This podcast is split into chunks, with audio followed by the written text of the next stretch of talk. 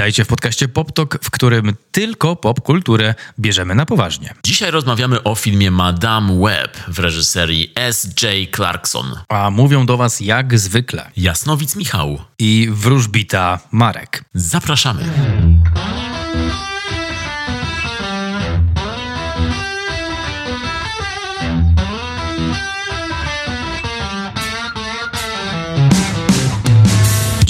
Widzimy przyszłość i w naszej przyszłości, waszej, widzimy rozdanie Oscarów. Marek, czy widzisz przyszłość? Ja właśnie nie wiem, co się dzieje z Oscarami. W tym roku, jak sprawdzałem listę na Filmwebie, to y, większość filmów widziałem, ale tegoroczne wybory, typy ze mną w ogóle się nie zgadzają. Znaczy ja z nimi się nie zgadzam. W tym roku wszystkie pomysły będę miał przestrzelone. Wow, czyli nie masz żadnego jednego filmu, który uważasz, że powinien wygrać? Wszyscy się rzucają na Oppenheimera. Ja z Opim nie mam takiej dobrej relacji i wspomnień. Wszyscy się rzucają na Oppenheimera słusznie, no bo wynalazł bombę. Wow, chyba, chyba wszedłem w to na, na własne życzenie. Także na własne życzenie on też w to wszedł. Robert J. Oppenheimer. Tak, no jest, jest 10 filmów nominowanych jako najlepszy film i spróbujmy obstawić, y, spróbujmy obstawić przyszłość, ponieważ jesteśmy dzisiaj jasno bądź czarnowidzami, no to może przewidzimy, kto wygra tego najważniejszego Oscara. Ja nie widziałem amerykańskiej fikcji, know o czym jest, więc kompletnie czarno widzę, nie jasno widzę. Mój głos poszedł na poprzednie życie. Pamiętam, że podczas festiwalu Kamera Akcja byłem przekonany, że będzie to najlepszy film roku. Według mnie nadal tak jest, mimo, mimo przesilenia zimowego, mimo maestro, anatomii upadku, biednych istot, czas, czasu krwawego księżyca. Ja zostaję z poprzednim życiem. Jest to mało popularna opinia. Najpopularniejsza to ta, która obstawia na Oppenheimera. Oppenheimer, Barbie, biedne istoty to są tytuły, które zyskują większość głosów, przynajmniej internetowych. Myślę, że Barbie ma tutaj najmniejsze szanse akurat w tych, co wymieniłeś. Oppenheimer rzeczywiście ma największe szanse.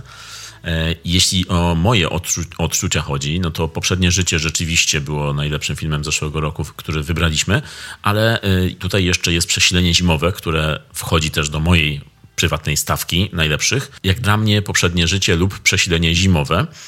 Natomiast y, no, stawka jest w tym roku bardzo dobra, bardzo, bardzo wyrównany poziom, myślę. Ja bym e, poszedł w drugą stronę, czyli odrzucając te, które nie wygrają, bo American Fiction na pewno nie wygra, Maestro na pewno nie wygra.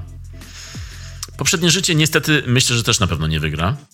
No i teraz tak, to co nam zostaje to Anatomia Upadku, która jest e, ciekawym przy, przykładem filmu, który nie jest nominowany w międzynarodowej kategorii, ale jako najlepszy film jest, a Oscary już nam pokazały, że na przykład Parasite wygrywał i tu, i tu. I Akademia ostatnio lubi coś takiego, e, lubi iść w kierunku takim światowym bardziej, czyli lubi wybierać e, film jako najlepszy film, nie tylko film amerykański, ale film tak ogólnoświatowy.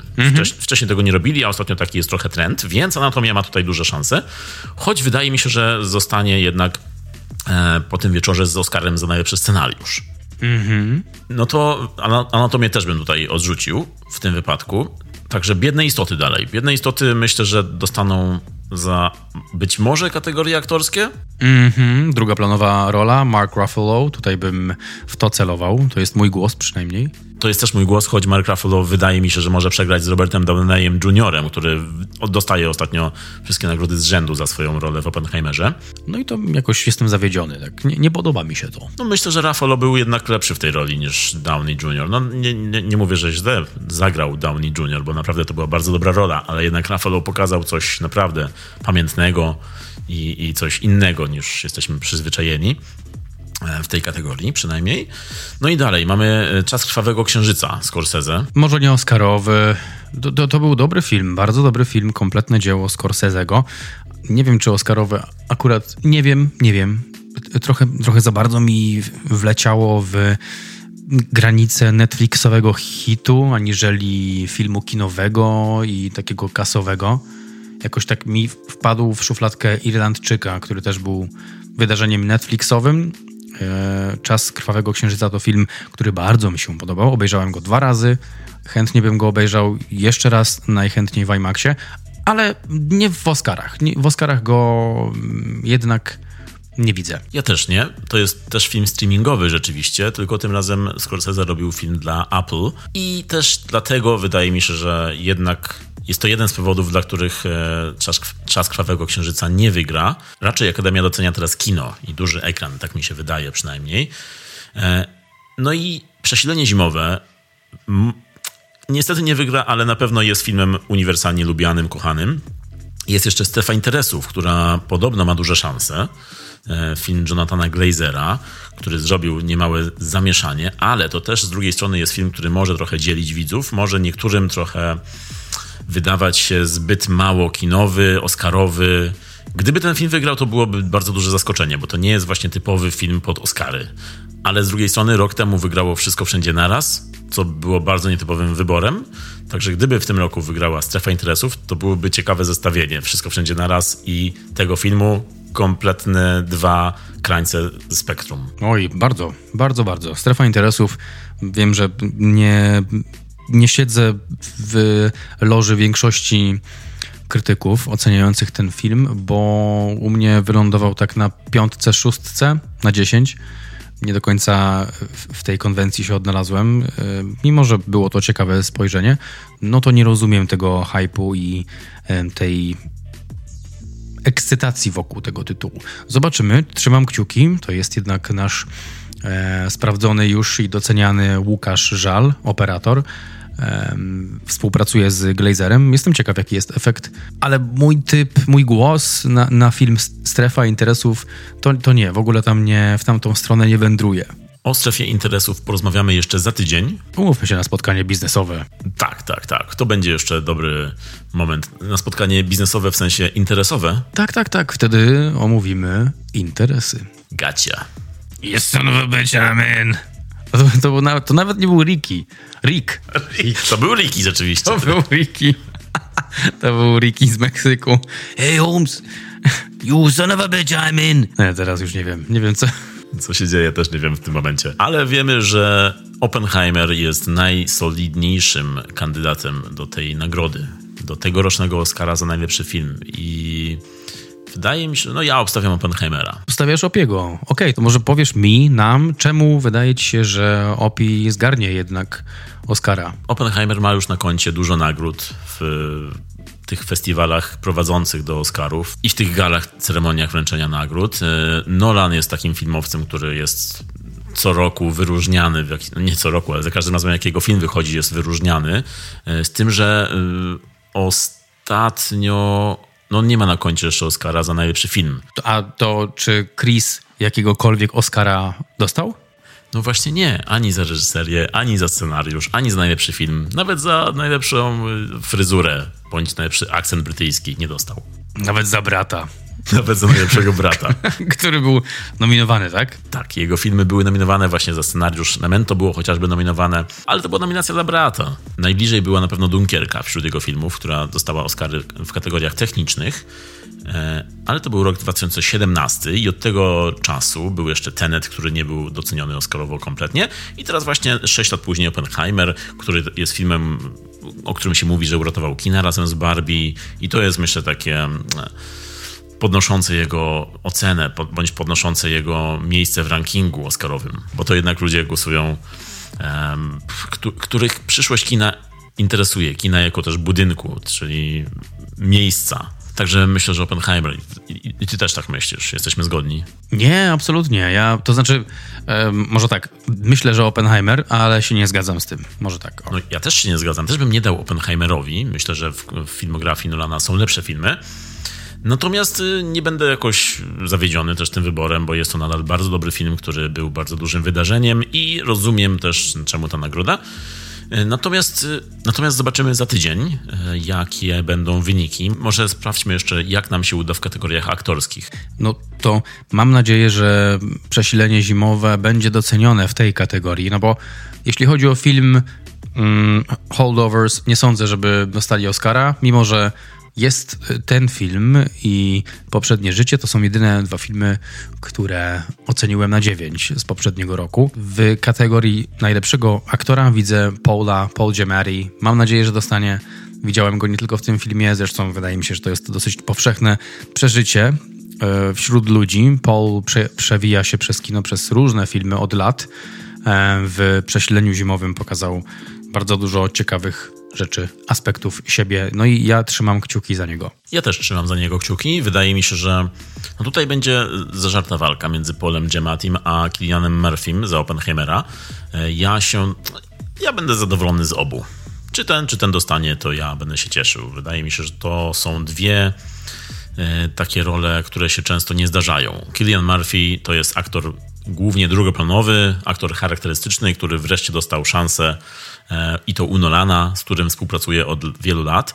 Dostał szansę na główną rolę i to taką wielką główną rolę. I gdyby on został nagrodzony za ten film, to ja bym się cieszył. Z kolei Paul Giamatti to też jest aktor charakterystyczny, też zazwyczaj drugoplanowy i tutaj też pokazuje w kompletnie innym stylu, na co go stać, bo to jest bardziej ciepły, życiowy, komediowy film. Mm, no i tak jak mówię, obie te role są super i jedna z dwóch wygra. Ty obstawiasz pola, ale obstawiasz według siebie pola, czy także wygra? Tak obiektywnie czy subiektywnie? Totalnie subiektywnie. Ja chcę, żeby wygrał. Wydaje mi się, że Kilian zgarnie statuetkę, mm, bo jednak Kilian ma rolę taką, która jest oddaniem pewnego hołdu kinu. To jest taki hołd dla kina, a Paul Giamatti gra postać, która jest bliska sercu, ale może niekoniecznie doceniona być przez Akademię. Też myślę, że Kilian wygra. Paul Giamatti dostał już e, Złotego Groba niedawno za swoją rolę, ale pamiętajmy, że to była wtedy kategoria najlepszy aktor w komedii lub musicalu. E, także Kilian ma, myślę, szansę jako ogólnie najlepszy aktor na Oscarach. Natomiast aktorka czy stawiasz na Sandrę Hiller? No i właśnie teraz mam problem, bo Sandra Hiller to był mój typ, dopóki nie sprawdziłem listy, na której pojawiła się Lily Gladstone. Nie sądzę, żeby wygrała w tej kategorii, ale pamiętam, że się nią zachwycałem i przypomniało mi się, jak ją zobaczyłem na tej liście, że to był naprawdę dobry występ, dobra robota aktorska i chciałbym, żeby dostała statuetkę. Emma Stone w tej kategorii no, była super, była bezbłędna. E, też nie mogę powiedzieć, że któraś z nich e, kompletnie nie zasługuje na to. Natomiast Sandra Hüller, według mnie, nawet rozmawialiśmy o tym przy okazji Braci ze Stali i Anatomii Upadku. Tam powiedziałem, że Sandra ma wiele warstw, pokazuje te warstwy, wprowadza tyle życia do dialogów, które na papierze mogą nie mieć takiego wydźwięku. To Sandra wprowadza to wszystko w ten dialog. Bardzo skomplikowany występ, dużo emocji, dużo subtelności, niuansów. Mam nadzieję, że wygra. Ja myślę, że wygra Lily Gladstone, ewentualnie Emma Stone. Tutaj może być pojedynek. Myślę, że Sandra Hiller nie ma tutaj niestety szans. Choć, no, chociaż po raz kolejny mówię, że ta stawka jest bardzo dobra i każda z tych pań nominowanych, no oprócz Annette Bening, której nie widziałem w filmie Najad, e, no to każda pozostała z nominowanych ma bardzo dobrą rolę. Ja bym e, stawiał jednak na Lily Gladstone. O, fajnie, to, to pocieszające jest dla mnie, bo też chciałbym, żeby zgarnęła statuetkę. Widzę w głosowaniu wśród internautów na Filmwebie, że Emma Stone to ma bardzo mocną pozycję. Ja pytany o to, kto wygra, osobiście chciałbym, żeby Sandra zgarnęła, bo bardzo dobry występ. E, no i taki miałem też głos, że ona wygra. Nie tylko myśląc życzeniowo, ale też e, tak obiektywnie patrząc, wydaje mi się, że jej występ był najlepszy z ich, że jakby najwięcej, najwięcej warstw może pokazywał, tak e, patrząc technicznie od, od strony tego, co robi aktor jako rzemieślnik. Natomiast z rzemieślniczek drugoplanowych wśród aktorek wydaje mi się, że tutaj jest pewne, że Divine Joy Randolph dostanie Oscara za przesilenie zimowe za rolę drugoplanową. To jest e, też mój głos. Tak, to jest głos, który oddałem momentalnie po obejrzeniu tego filmu jeszcze w listopadzie 2023. I od tej pory raczej się sprawdzał, było na wszystkich ceremoniach, rozdaniach, jednak ona triumfuje w tej kategorii. No i to jest świetna rola, y, super odkrycie aktorskie też mm, swojego rodzaju. Tak, to był listopad, jak ściągnęliśmy to z Pirate Bay? Yy, wysoki sądzie, to był komputer Marka. Marek nie ma komputera, więc... Yy, Shit. Wysoki sądzie, to nieprawda, to pomówienie. Oczywiście, że to pomówienie. Widzieliśmy ten film na Camera Image. Dobra, e, przechodząc dalej, e, mówiliśmy aktorka, dobra, no to aktor drugoplanowy jeszcze został nam. E, ja tutaj mówię, że Robert Downey Jr. zdobędzie tego Oscara, ale ma jeszcze Marka Ruffalo, ma Ryana Goslinga, Roberta De Niro i Sterlinga K. Browna w stawce swojej, w konkurencji. No to mój głos poszedł do Marka. Jak Marek do Marka, Marek dla Marka. Y, Natomiast ciekawe to będzie, czy to Ryan, czy Robert. Ciekaw jestem, szczerze mówiąc. Nie wiem, czy to jest takie przesądzone, y, no bo Ryan też zgarnia nagrody za tę rolę, za piosenkę, za rolę. Y, Od początku jest promowany jako taki Wonder Boy tego filmu, także to by było ciekawe przeżycie, jakby Ryan odebrał Oscara za, e, za Kevina. Za, wow, wow. Za Kevina? Za Kevina. Samego w Barbielandzie? Tak. Samego w twoim żarcie? Stojącego obok mnie, ale samotnego. No, Ryan na pewno jest e, już wyróżniony nominacją za rolę Kena, za tą swoją Kenergię i też potwierdzone zostało, że Ryan zaśpiewa podczas cer- ceremonii rozdania Oscarów. O wow, a 50 Cent w końcu pojawia się z PIMP? No nie potwierdzili tego jeszcze i nie wiem, może to będzie jakaś nies- niespodzianka, ale może to też jest plotka po prostu, ale mam nadzieję, że jednak nie, że to będzie 50 razem z Sandrą Hiller, razem rapujący I don't know what you heard about me. I zrzucający męża z balkonu. I wtedy na koniec tej piosenki ona powie jestem winna, zrobiłam to. Jednak. I wstanie Justin, reżyserka, i powie: Dobra, tak naprawdę to ja zabiłam Artura, to jest doppelganger. Artura, czyli swojego męża. Wow. Na pewno Robert wygra. Na pewno Robert D wygra. Wiesz dlaczego wiem? Bo jest dwóch Robertów D nominowanych. D- DJR. Jest dwóch Robertów nominowanych, a skoro jest dwóch, no to jeden musi wygrać. Tak jest zawsze prawidłowość, prawda? No i jeszcze ważna, ważna kategoria najlepszy reżyser bądź reżyserka, bo jest też Justine Triet nominowana za Anatomię Upadku. Myślę, że nie wygra. Myślę, że tutaj jednak będzie walka. Myślę, że wygra tutaj Christopher Nolan, ale według mnie może być tutaj walka między nim a i myślę tutaj o Jonathan, Jonathanie Glazerze. Trochę, trochę tutaj się zastanawiam, ponieważ film Strefa Interesów to jest film odważnych wyborów reżyserskich. Dlatego myślę, że to może być jego kontrkandydat. Chciałbym powiedzieć, że Scorsese, ale chyba jednak Scorsese miał lepsze filmy i tutaj w tym wyścigu raczej przegra. I raczej jestem z tobą w tej opinii, oprócz części dotyczącej Glazera. Ja zagłosowałem na Justin. Mój głos poszedł na nią. Wydaje mi się, że Nolan zgarnie. No, napracował się chłopak. Już tyle lat jest w tej branży. No, ogląda tych szybkich i wściekłych, i to jest jego guilty pleasure. Więc, no, nie dasz takiemu statuetki? Ostatnio jego wybory filmowe w wywiadach, które wymienia właśnie Szybkich i Wściekłych, wymienia, że bardzo lubi i też wcześniej mówił o filmie Talladega Nights, czyli Ricky Bobby. Jaki to był polski tytuł? Ricky Bobby, Demon Prędkości. Ten film z Willem Ferrellem mówił w jednym z wywiadów, że, e, że kiedy leci w telewizji zawsze ogląda ten film. I wtedy pomyślałem, wow, Chris, my man. Już zawsze był my man, ale teraz jeszcze tym bardziej. David Lynch idzie w odstawkę. Chciałem przytulić Nolana wtedy i obejrzeć razem Talladega Nights. David Lynch mówiący do Michała Michael, buddy, buddy, I like you. Buddy, let's watch a movie together. Wow. Michał wtedy na, na Dave I'm gonna stick with Chris. Nie, nie, nie. Powiedziałbym, że obejrzymy razem. Wow, Razem z Chrisem. obejrzeć Talladega Nights jeszcze z Davidem Lynchem. Ale e, swoją drogą, David, co tu robisz? Swoją drogą, prawda? Trochę go opanowałem. Troszkę mi się podoba to, że Trochę on opanował ciebie w tym momencie, myślę. to też. To chyba przez, ty, przez ten film Lost Highway w, na specjalnym pokazie, na który mnie zabrałeś, gdzie zasnąłem. Wow. Myślałem, że tego już nie powiesz, że nie przyznasz się do tego. To jest największy błąd w twoim życiu. To jest sen, który był wywołany hipnozą e, ze strony Lyncha. Tak- Największy błąd w twoim życiu. W każdym razie, e, scenariusz. Scenariusz e, oryginalny. Ja stawiam na Anatomię Upadku. I to jest mój prywatny głos i myślę, że wygra Anatomię Upadku też. Marek. Tak, Anatomia Upadku. Mój głos poszedł na przesilenie zimowe, ale wydaje mi się, że Anatomia Upadku wygra. Okej, okej, okej. E, Dobra. Scenariusz adaptowany. Myślę, że Oppenheimer. Choć ja bym wybrał Biedne Istoty. Ja wybrałem strefę interesów, ale Ale że wygra, czy że ty byś nagrodził? Ja bym nagrodził. Ty byś nagrodził strefę interesów? Tak, tak. Wow. Scenariusz adaptowany. Natomiast chyba Oppenheimer. Czyż e, o strefie interesów pogadamy jeszcze za tydzień, także wrócimy jeszcze do tego. Chcesz obstawić najlepszą piosenkę? Bo ja myślę, że Barbie. No tak nam podpowiadają media, że jednak I'm Just Ken zgarnie statuetkę. A nie, są jeszcze, jest jeszcze What Was I Made For, wykonanie Billie Eilish albo I'm Just Ken. Moje serce bardzo blisko jest piosenki z czasu Krwawego Księżyca, no ale let's face it, to nie wygra. E, Myślę, że to, że Ryan Gosling wystąpi na Oscarach, to dużo świadczy.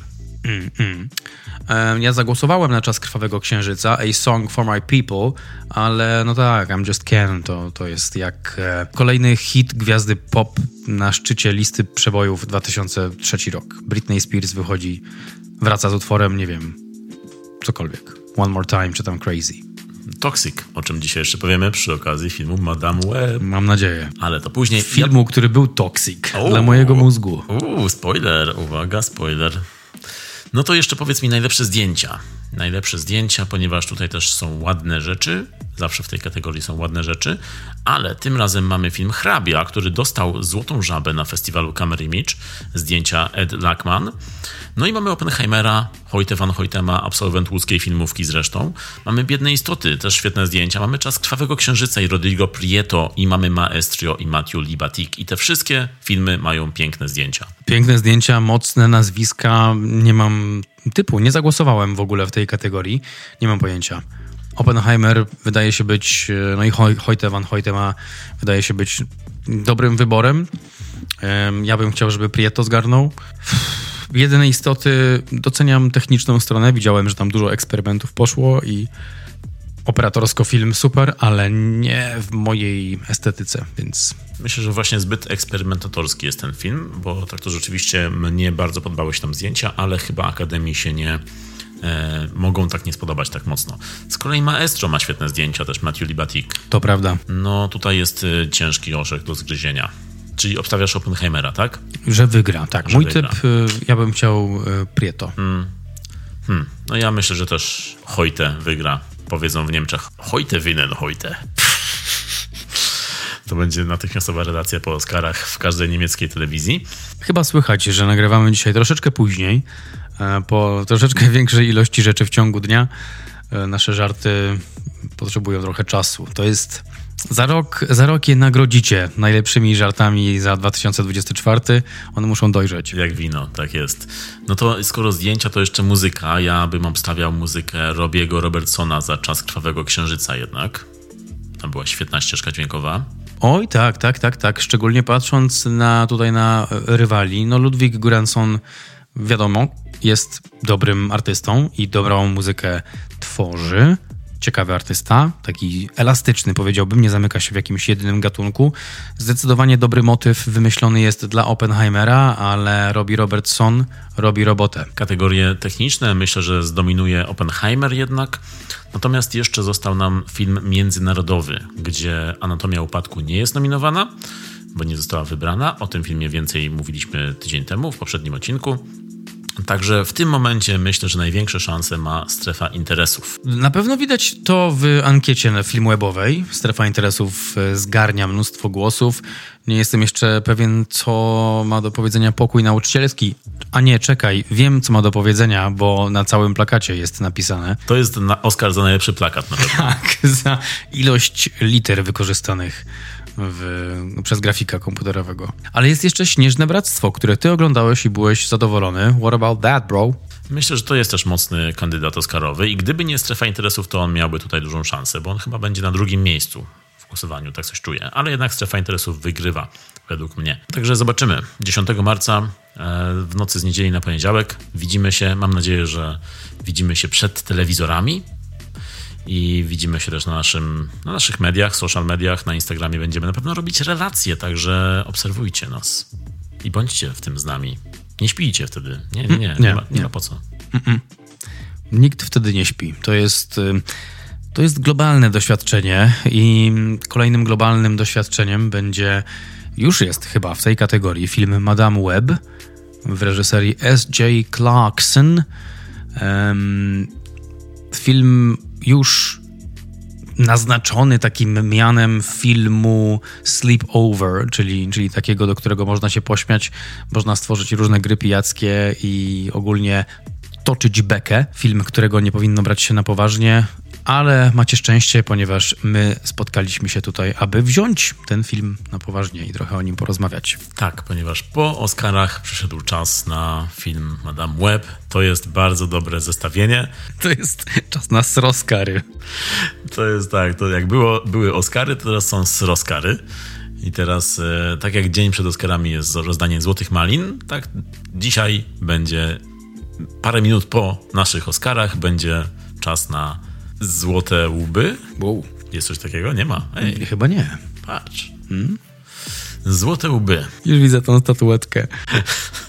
I jeszcze też nadmienię, że a propos zestawień ciekawych, no to film Madame Web rozpoczyna się od logo wytwórni Columbia, ale obchodzącej setne urodziny. To było 100 lat Columbia Pictures. Tak jak Warner Brothers ostatnio obchodziło 100 lat, tak Columbia wreszcie weszła, weszła w swoją setną, swoją dziesiątą dekadę i celebrują ją tym filmem.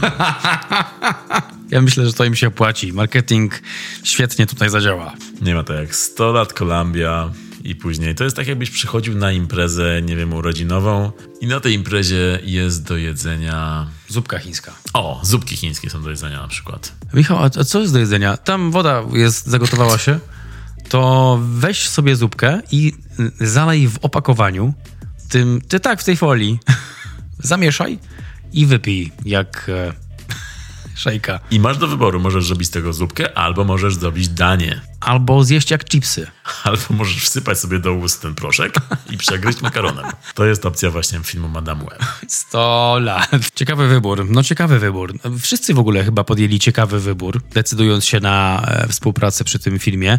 Dakota Johnson, aktorka, która gra Madame Web, Cassandra Webb. Z tego, co tak plotkarsko trochę do mnie dotarło, to w wywiadach bardzo była taka zamknięta, jeśli chodzi o jej występ w tym filmie. Ona tak mówiła, że ona nie wie za bardzo, jak ten film wyszedł, że nie widziała go, że nie oglądała i na te bardzo konkretne pytania dziennikarzy odpowiadała tak, "O, nie, nie wiem, a widzieliście, a widzieliście y, ten Barbie może? To są świetne wywiady w ogóle. To jest świetne, e, jak ona sobie poradziła z tym, z tym, jak to się mówi, taką trasą medialną przed e, filmem, ponieważ ona była zobowiązana do promocji tego filmu mm, według kontraktu i próbowała jakoś wybrnąć z tego i bardzo fajnie się oglądało te jej próby wybrnięcia, kiedy została e, spytana o to, jakie były zmiany od scenariusza do filmu, ona po prostu tak widać było po jej minie, powiedziała słowo drastyczne i powiedziała, że niestety nie może powiedzieć nic więcej, jakie one były, ale widać było po tym, że po pierwsze, że jest niezadowolona z tych zmian, Tak. że to były straszne zmiany według niej i że nie może według e, umowy nic o tym powiedzieć.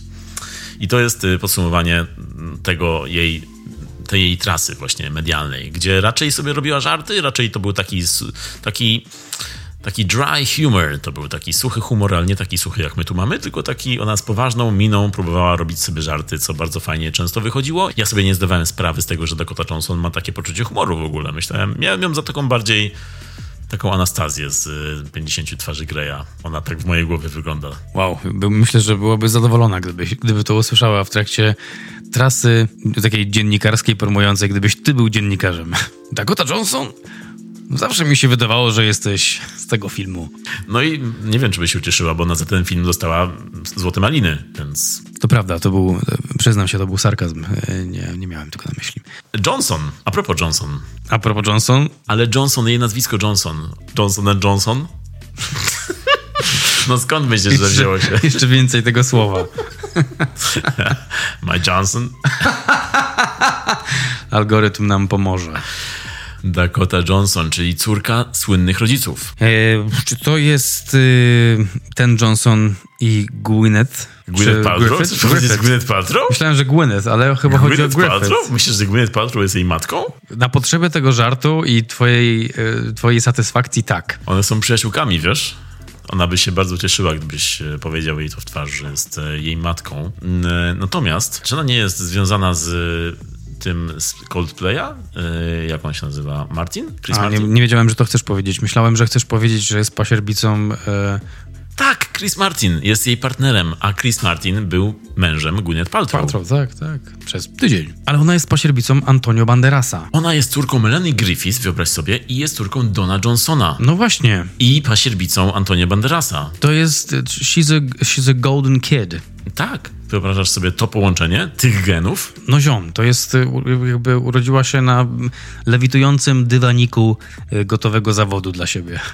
I ona właśnie sobie trochę robi żarty z tego Nepo Baby, które te, takie opinie krążą o niej po Hollywood i ona sobie trochę z tego żartuje, że ona jednak, no bo ona jednak jest na swoim, ona raczej e, tym nazwiskiem Johnson myślę, że dużo nie zdziała w Hollywood i ogólnie na świecie, no bo Johnson to jest takie trochę uniwersalne nazwisko i myślę, że nie każdy, gdyby miała nazwisko Banderas, no to jeszcze okej, to jeszcze każdy by wow, wow, chcę zobaczyć ten film z nową banderaską juniorką. Dakota Banderas. O, to byłoby inaczej, nie? Mhm. Ale w ogóle nie wiem, czy to wyczytałeś, ale jest wnuczką od strony matki Petera Griffitha, kierownika agencji reklamowej i Tippi Hedren, o której mówiliśmy dopiero co przy okazji filmu Ptakodemia. James Nguyen byłby zachwycony teraz. On, oni powinni zrobić razem film. Johnson and Nguyen. Co tutaj się tylko o takich ludziach gadać w tym podcaście? Gdyby James Nguyen zrobił Madame Web, O, wow. By Madame było. Bird. to by było. No ale tak, tak, Dakota Johnson, córka sławnych rodziców, ale też już aktorka na swoim, którą ja najbardziej lubię w filmie Suspiria. Nowa wersja y, starej Suspirii. Yeah, right. Dobra, Michał, to dla podcastu, a tak dla nas? Sugerujesz, że jednak Anastazja? Anastasia Steele? O, pamiętasz jej nazwisko, to o czymś świadczy. Patrzę w jej filmografię akurat, ale dobra, no dobra, no dobra, może pamiętam. Miss Steele. Em, słuchaj, jak, gdzie stoisz przy trylogii o Greju? Widziałem fragment pierwszej części. Fragment. Powiedz mi, który fragment? Winda, pamiętam Windę, że była w windzie. Aha. Pamiętam, że miała wywiad przeprowadzić za koleżankę. Mhm. I gdzie widziałeś ten fragment? Co to co? What do you mean? Na ekranie? Jak to się stało, że widziałeś akurat fragment i to taki... Wink, wink. Wink, wink. Słuchaj, ja tylko włączę sobie fragment tego filmu. To był e, zlepek fragmentów do jednej trzeciej filmu. Okej, okej. Czy to było jakieś the best of sex scenes? Wow. Michał, projektujesz teraz na mnie swoje fantazje. Nie, nie, nie, nie moje na pewno. Na pewno nie moje, Marek. Kolegi. Kolegi. Mówił. Moją fantazją e, jest trzymać się z daleka od tej serii. Ponieważ obejrzałem pierwszą część i zacząłem część drugą, ale już nie, nie zmordowałem po prostu. Mimo, że Już zmęczony byłeś. to nie był ten sam dzień, od razu do, dodam. To było, No, rozumiem, takie było, filmy męczą fizycznie, no. Potrzebowałem co najmniej papierosa jednego. Załapałem. No i tak, e, trylogia o Greju e, swoją drogą na podstawie serii książek, które powstały jako fanfiki do Zmierzchu. No, Zmierzch moje guilty pleasure. I wyobraź sobie, że ktoś ze Zmierzchu zrobił fanfic i wyszedł z tego Grey. Tak, no to jest coś, co jest bardzo złe, ale dzięki temu dostaliśmy modę na takie filmy jak 365 dni chociażby. E, także nie wiem, czy dziękować, czy przeklinać ich. Zdecydowanie dziękować. tak, tak, Ten bardzo... podcast to jest paliwo nasze. To prawda, to jest bardzo dobry, zły film. Mm, No i tak, no i w każdym razie Dakota Johnson była bardzo długo kojarzona z tymi rolami e, i ze swoimi rodzicami słynnymi. I myślę, że trochę jej zajęło stanięcie na swoim. Do tej pory siedziała na cudzym. Nadal mówisz o serii o Greju? Wiedziałem, że to wyłapiesz. Wow. Natomiast e, Suspiria, tak jak mówiłem wcześniej, super e, rola, bardzo dobry film, dobry remake. e, No ale oprócz tego w jej filmografii nie ma aż tak dużo ról, które by jej przyniosły, nie wiem, sławę, nagrody. Ona jest ciekawym typem aktorki, która do tej pory, jak dla mnie, była zbyt nijaka, zbyt mdła, żeby się jakoś bardzo wyróżnić w tych swoich filmach. Suspiria jest właśnie dobrym, e, jest przeciwieństwem być może tego, bo tam ona bardziej wystaje z tego filmu. Czy ty masz jakąś rolę jej albo film z nią, który ci zapadł w pamięć? Oprócz tej sceny w windzie? Ta scena zdecydowanie zmieniła moje patrzenie na Dakotę. Y, Nie. Dla mnie Dakota to, co mówisz, że, że jest taka nijaka, to do tej pory dla mnie taka jest. Ja Suspiri nie widziałem, żałuję, bo może tam pokazuje więcej. Mocny film to jest ogólnie. I to był chyba remake, tak? Bo wcześniej była... Tak. No to mm, ja, ja chyba ominąłem to, to znaczy na pewno ominąłem to, nie widziałem tego filmu. E, Mówisz, że bardziej wystaje. Nie widziałem jej takiej wystającej. E, Natomiast jeśli tak rzeczywiście jest, no to w filmie Madame Web wróciła do, do tej mimozy. Mimoza właśnie, no. Mimoza Web. O, Ale tak, no Dakota Johnson jest nadal obiecującą aktorką, którą nadal chcę obejrzeć w czymś dobrym. Mm, Ma mało dobrych filmów na koncie. Ale jednak przede wszystkim z tych wywiadów, z tych e, okołofilmowych rzeczy wiem, że ma pewien, pewne poczucie humoru, ma pewien dystans do swojej osoby i e, może w przyszłości pokaże nam coś, coś dobrego, coś lepszego. No nie w tym wypadku rzeczywiście, nie w wypadku filmu Madame Web. Reżyserką filmu Madame Web jest S.J. Clarkson. Mm, Chyba zero relacji z Jeremym Clarksonem, chociaż oboje są z Wielkiej Brytanii. Natomiast to jest reżyserka głównie telewizyjna, serialowa, która ma mnóstwo seriali, mnóstwo bardzo dobrych seriali na koncie też, bo reżyserowała odcinki, pojedyncze odcinki Sukcesji, Dextera, serialu Vinyl, czy seriali Marvela, takich jak Jessica Jones. No dużo, dużo, dużo. Banshee, Bates Motel, e, Orange is the New Black, no mnóstwo. same dobre tytuły. Tak, i ma jeden film na koncie. Przed Madame Web miała film na koncie. Film Toast. Historia chłopięcego głodu. W oryginale Toast. Ale to długi metraż? Tak, tak. Jedyny jej film długometrażowy, pełnometrażowy, fabularny z 2010 roku, film brytyjski, którego nie widziałem, ale no po tych 13 latach dostała drugą szansę na zrobienie filmu pełnometrażowego na stulecie Columbia Pictures. I, i co? I, I wybrała sobie do tego scenarzystę Mata Sazama, nazywa się Matt Sazama, który robił scenariusz do Morbiusa. I mean, come on. To jest dobre porównanie, bo ten film Madame Web rozpoczyna się jak Morbius praktycznie. Jak ja oglądałem, to myślałem, wow, czy oni chcą powtórzyć Morbiusa w tym momencie? ktoś, tutaj, ktoś tutaj chce obudzić trupa. Y, I, a pomagał mu w tym Burke Sharpless. Sharpless. Sharpless. Get it? Mm, I got it. Tempy. Tam, tem, sharpless, tak, czyli nie ostry. Mm, czyli tempy. To jest takich ludzi Clarkson wybiera. To będzie, ej, wiecie co będzie fajnym pomysłem? Gość z Morbiusa i ten Sharpless. To będzie świetny zestaw. No i nie jest świetny zestaw, rzeczywiście. E, Ten scenariusz, który podobno był przerabiany, podobno inaczej wyglądał w oryginale i w trakcie kręcenia bądź w trakcie postprodukcji został drastycznie zmieniony, jak powiedziała Dakota Johnson. No, to jest wielkie kuriozum w ogóle. Jak to się stało, że ten scenariusz powstał. Że, jak to się stało, że ten scenariusz przełożył się na ten film? Kto miał pomysł, żeby zrobić film, po pierwsze, o postaci, która nazywa się Madame Web, po drugie, film związany z uniwersum Spidermana, w którym nie ma Spidermana, ale jest, jest jakby jakiś Spider-koleś. Jest też Ben, prawda? Jest Uncle Ben. Jest ten od ryżu. Get it? Tak, get it, I get it, ale Uncle czekaj, Ben? Uncle Ben's Uncle było, tak? Ben's, tak. Tak, tak, tak. Prawda? To jest ten sam wujek Ben? Możliwe, być może, tak. My mówimy, że tak. Znany jest z dwóch rzeczy. Z, Petera Parkera i z ryżu. Dużo węglowodanów to wielka odpowiedzialność. To właśnie powiedział Peterowi Ben, gdy zanim ten poszedł na swój pierwszy mecz w, w, zapaśniczy. Na swoją pierwszą siłownię. Masz tu, Peter, masz tu słoik ryżu. Nie jesteś moim ojcem. I wtedy właśnie go po drodze zabili.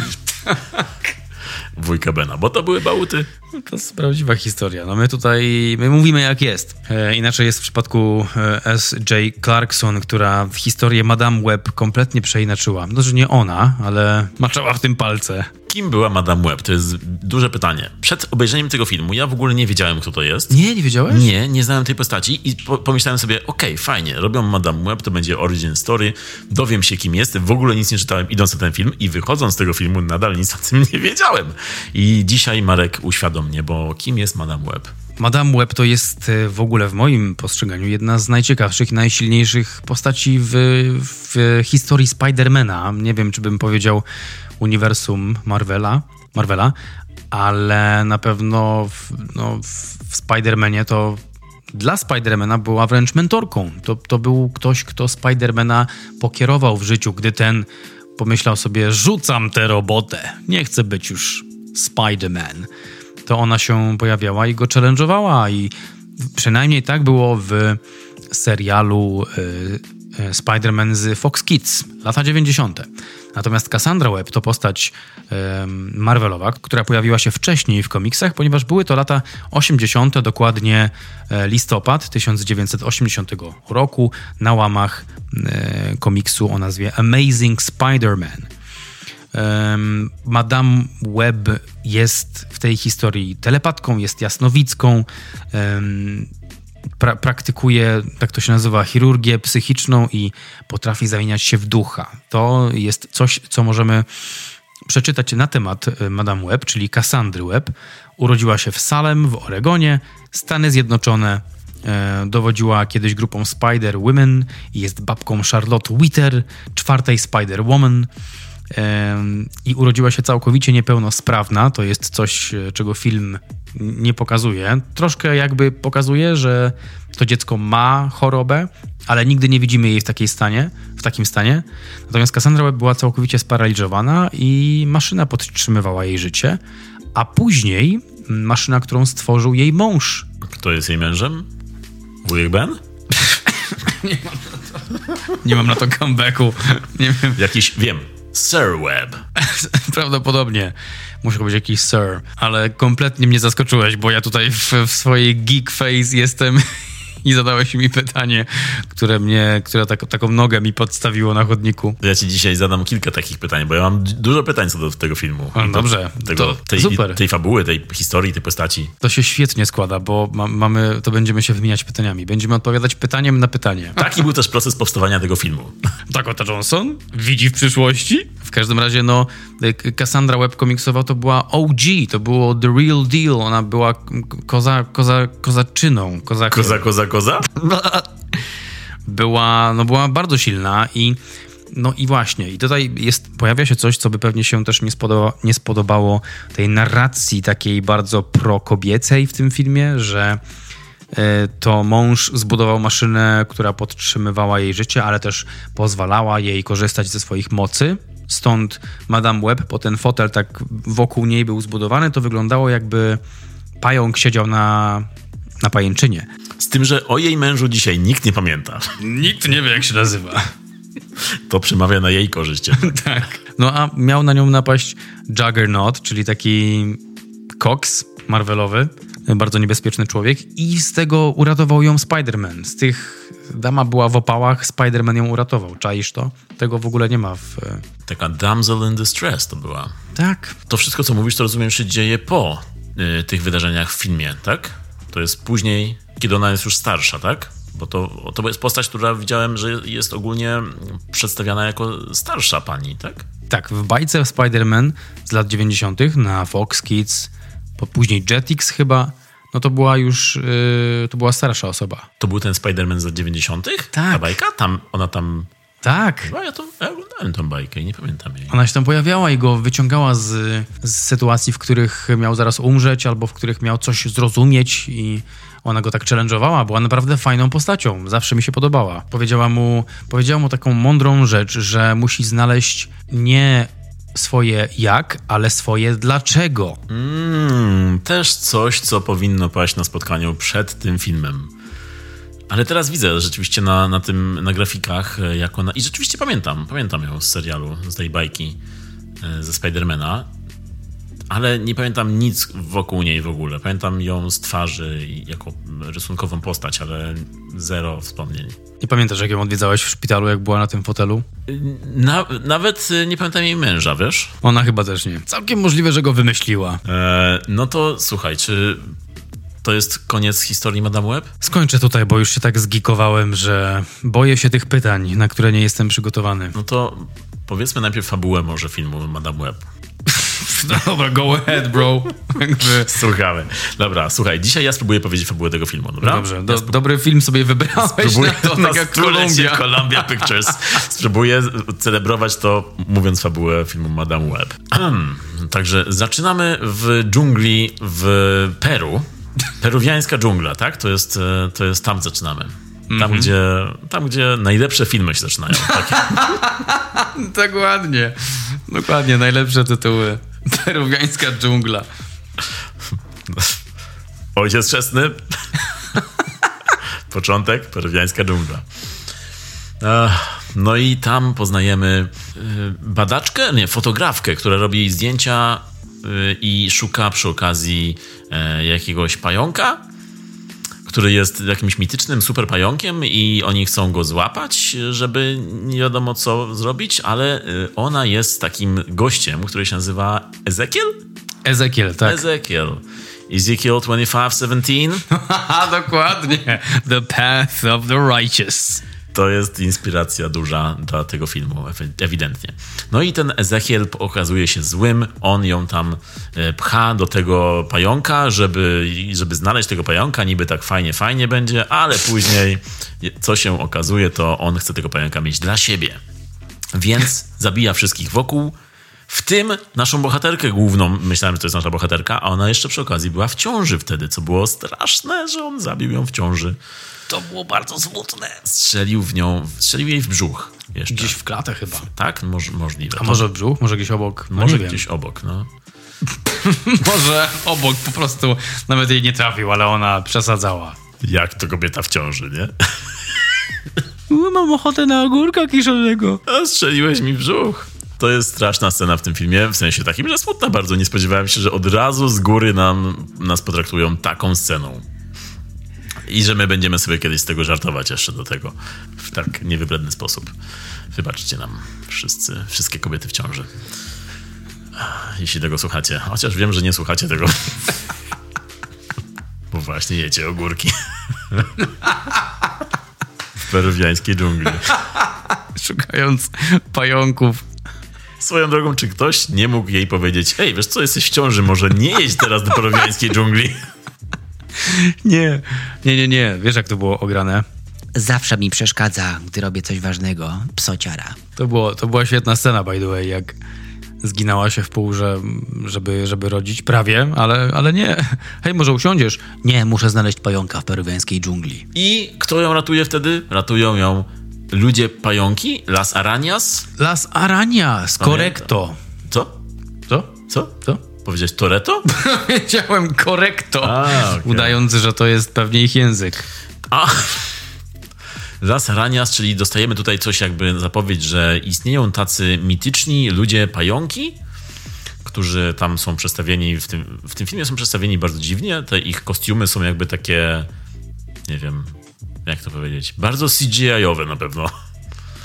Są takie ruchome. Bo się ruszają. Tak, tak na nich jakby tak, jak hologram po prostu wyglądają. Jak... A, tak? Okej, nie miałem takiego wrażenia. Nie odniosłem takiego... Nie, nie, nie, ale dla mnie mm, to wyglądało jak e, stroje superbohaterów z stacji telewizyjnych, na których puszczają filmy, seriale o superbohaterach niskobudżetowe, czyli The Flash, Arrow, nie wiem, Gotham, Taka porno parodia trochę. nie wiem co to znaczy, ale tak. Trochę tak to wyglądało. Kiedy zabierali tę dziewczynę w ciąży do tej jaskini, żeby ją uratować.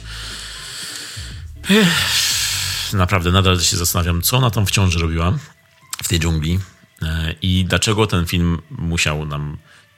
Rozumiem, że na początku stawki musiały być wysokie, że mamy bohaterkę, musimy się nią przejmować, więc zróbmy, żeby była w ciąży. I później oczywiście rodzi to swoje dziecko, ponieważ e, urato- ratują ją ci Las Arañas, w sensie wstrzykują jej jad pająka i wtedy e, dziecko mm, ratują to dziecko. Dziecko przeżyło, natomiast matka niestety zmarła przy porodzie.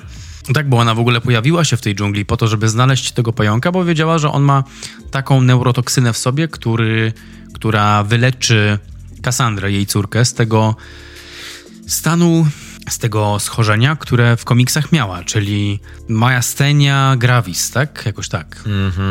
Całkowity paraliż układu nerwowego, jakoś tak to było. No i to dziecko się rodzi, odbierają tą dziewczynkę, o czym później się dowiadujemy, Cassandrę Webb, yy, ludzie pająki i później mamy cięcie. Ezekiel sobie uciekł ze swoim pająkiem małym, z którym nie wiadomo co będzie robił, ale podobno daje wielkie moce ten pająk i jakieś to jest 30 lat później, bo początek to są lata 70. w peruwiańskiej dżungli, pamiętajmy, a później mamy cięcie i rok 2003 w Stanach Zjednocz- Zjednoczonych, czyli Cassandra e, z tej peruwiańskiej dżungli jakimś cudem przedostała się do Stanów Zjednoczonych jako dziecko. To było dobre. Tak. Wysłali ją w, w ananasie samolotem. Ludzie pająki mają możliwość, nie wiem, wysyłania dzieci? Widzisz to? Idą na lotnisko i e, hej, chciałbym e, wysłać przesyłkę. I pytają go, ale czemu pan ma taki dziwny kostium, który się rusza? To CGI, to niech pan się nie przejmuje. A, dobrze. No i w ten sposób Cassandra znalazła się w Stanach. I 30 lat później pracuje jako em, e, sanitariuszka, tak? czyli prowadzi ambulans, karetkę prowadzi pogotowia, czyli tam w Stanach to jest straż pożarna nadal, bo oni to mają połączone, więc ona pracuje w straży pożarnej, prowadzi karetkę pogotowia i jeździ ze swoim partnerem, wujkiem Benem, Od ryżu. tym. Dorabia sobie na karetce. To jest Ben, który dowiadujemy się później, że to jest ten Ben, jako, czyli wujek Spidermana. No i Cassandra zaczyna dostawać wizji i zaczyna przewidywać przyszłość w pewnym momencie, e, co, co okazuje się pretekstem do powtarzania kilku scen wielokrotnie. To jest po prostu oszczędzanie na taśmie filmowej. Po prostu powtórzymy te cztery sceny, będą podwójnie w tym filmie i dzięki temu zyskamy jakieś 20 minut e, i trochę zaoszczędzili w ten, w ten sposób na budżecie.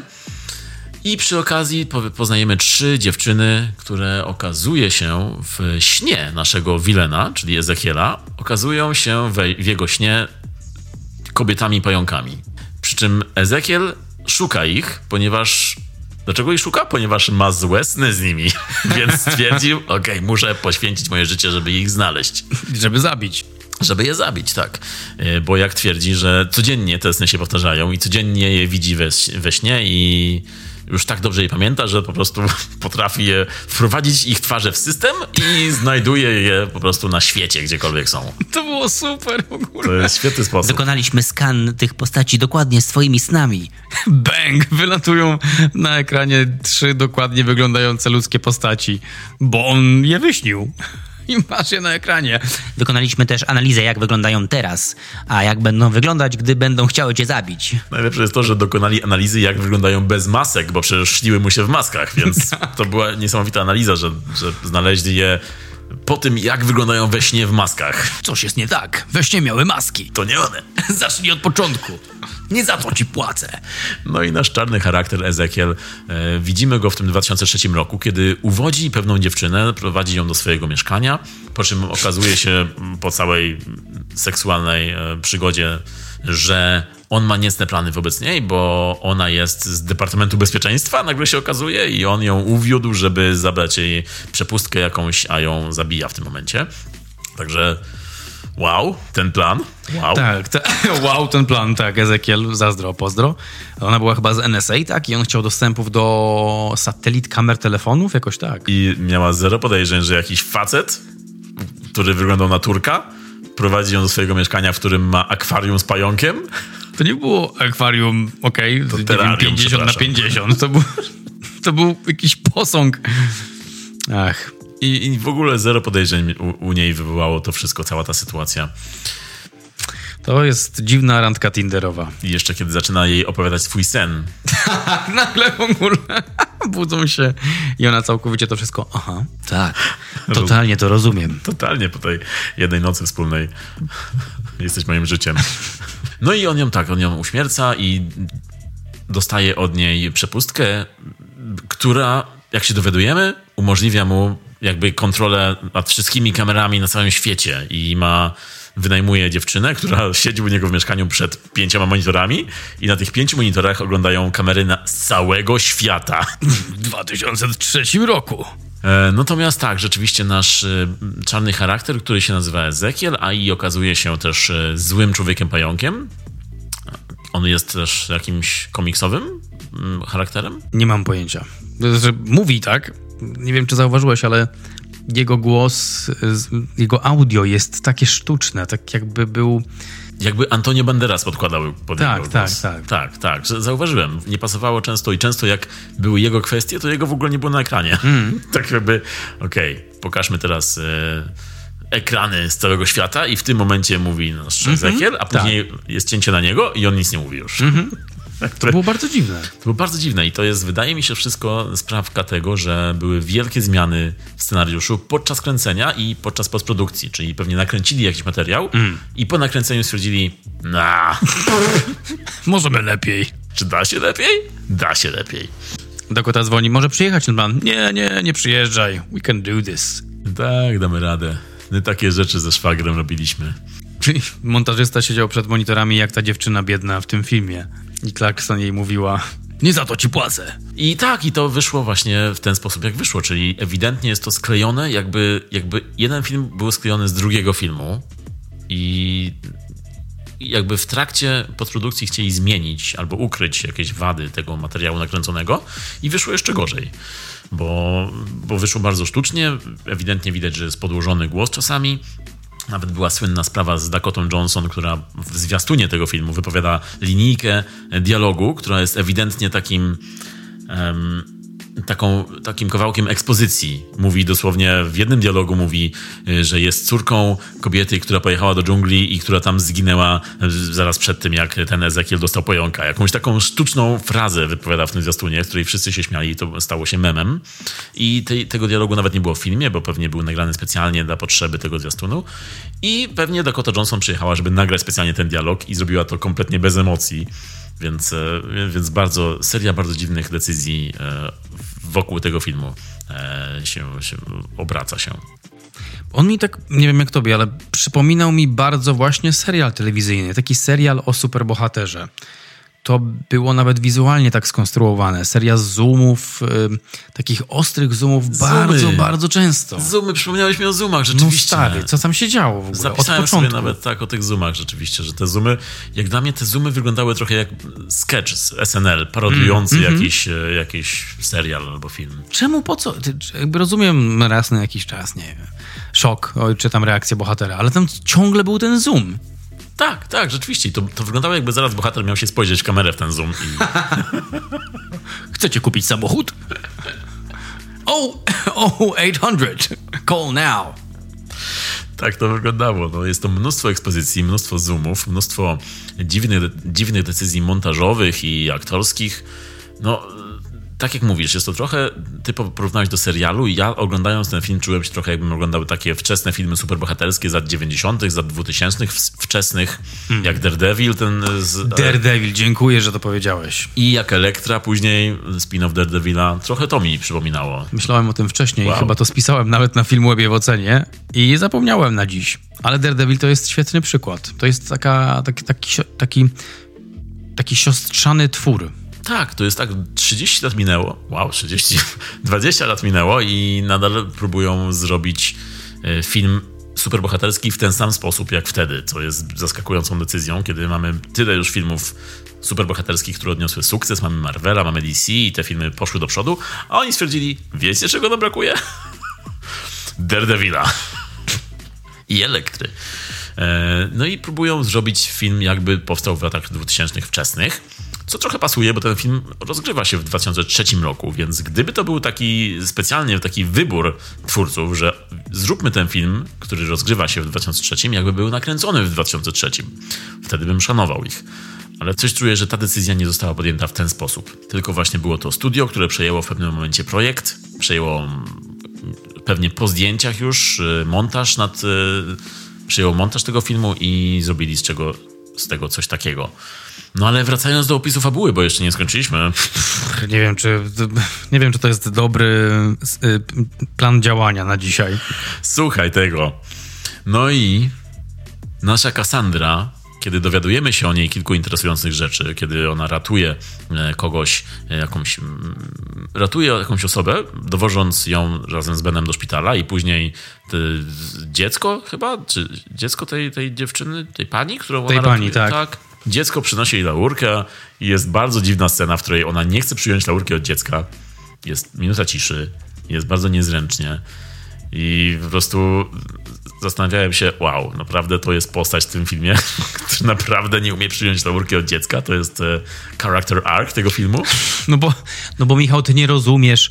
Ona nie nawiązała więzi ze swoją matką, więc, y, więc demonizowała wszystkie inne więzi z dziećmi. No i jej łuk postaci jest właśnie taki, że ona nie ma, że ona jest oziębła, jest zimna, nie może nawiązać relacji i wiemy już, że to się skończy tak, że ona nawiąże jakąś relację, e, co bardzo śmiesznie się później łączy z faktem, no to później dojdziemy do tego, ale w każdym razie ona jest przedstawiona jako ta taka zimna, jako niedostępna, co pasuje bardzo do Dakota Johnson w tym momencie, bo ona też trochę mi się taka wydaje, jako aktorka. No i jest bardzo y, zabawna scena. Mówisz w liczbie pojedynczej, nie wiem, czy to mam odebrać jako żart. Zabawna scena. What do you mean, bro? Pierwsza zabawna scena, O, kiedy ona jakby poznaje swoje wizje na, podczas baby shower. Co to była pierwsza? Nie pamiętam już teraz, ale... Nie, były wcześniej na pewno, ale, ale to mi bardzo zapadło w pamięć, kiedy jest ten baby shower. I to jest swoją drogą baby shower dla Petera Parkera. No właśnie, o czym wtedy jeszcze nie wiemy. Tak, to jest mały spoiler, ale raczej nikt z was tego filmu nie obejrzy. A jeśli już oglądał, no to wiecie o czym mówimy. Bo Peter Parker jest postacią w tym filmie jako dzidziuś w brzuchu, a później, który się rodzi. I nikt nie mówi o tym, że to jest Peter, Peter Parker, bo może nie mają, nie wiem, nie mogą, prawnie nie mogą tego Nawet zrobić. imiona mają zabronione. Mają zabronione. Nawet jest scena, kiedy ma paść imię Peter i w tym momencie pęka balon i jest, zagłusza ten, ten jego imię. Wow. Why? Tajemnica kina, Michał. Tak. I znowu Dakota Johnson, która w tym momencie robi e, miny niedostępnej kobiety. To jest, to jest ta scena Baby Shower. A wcześniej wiem, jeszcze było mierzenie saturacji, tak? Po tym jak wpadła do wody i miała wizję, bo chciała kogoś uratować. Tak, wcześniej to była pierwsza chyba wizja, jak wyłowił ją Ben w ogóle na jakimś e, filarze pod mostem. Jak on to zrobił? Nobody fucking knows. Ale gdzieś ją tam wtachał i zrobił jej resuscytację, która swoją drogą powinna mieć tutaj spin-off swój. Resuscytacja. Jest chyba z siedem razy w filmie. Jest jeszcze nauka, jak to robić. Jakby... A teraz trzy minutki na kurs pierwszej pomocy. Aktorzy stwierdzili, że jeśli już ten film ma wyjść i ma tak wyglądać, to przynajmniej zróbmy coś pożytecznego i nauczmy ludzi resuscytacji. To jest, to jest przekonanie pewnie, które stało za tym filmem. No i wracając do fabuły.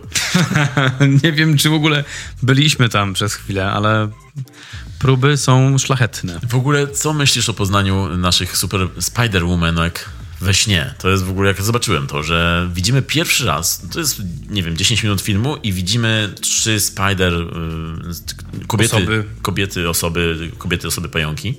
Widzimy we śnie, podczas akcji już od razu, jakby zero wprowadzenia widzimy je w, pełnej, w pełnym stroju, w pełnej akcji.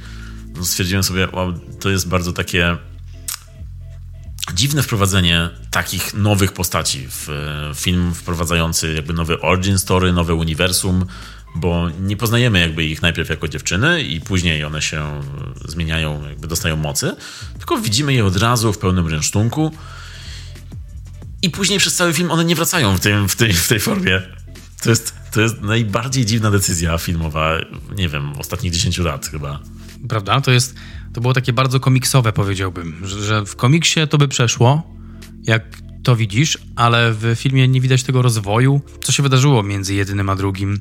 Czemu, czemu są...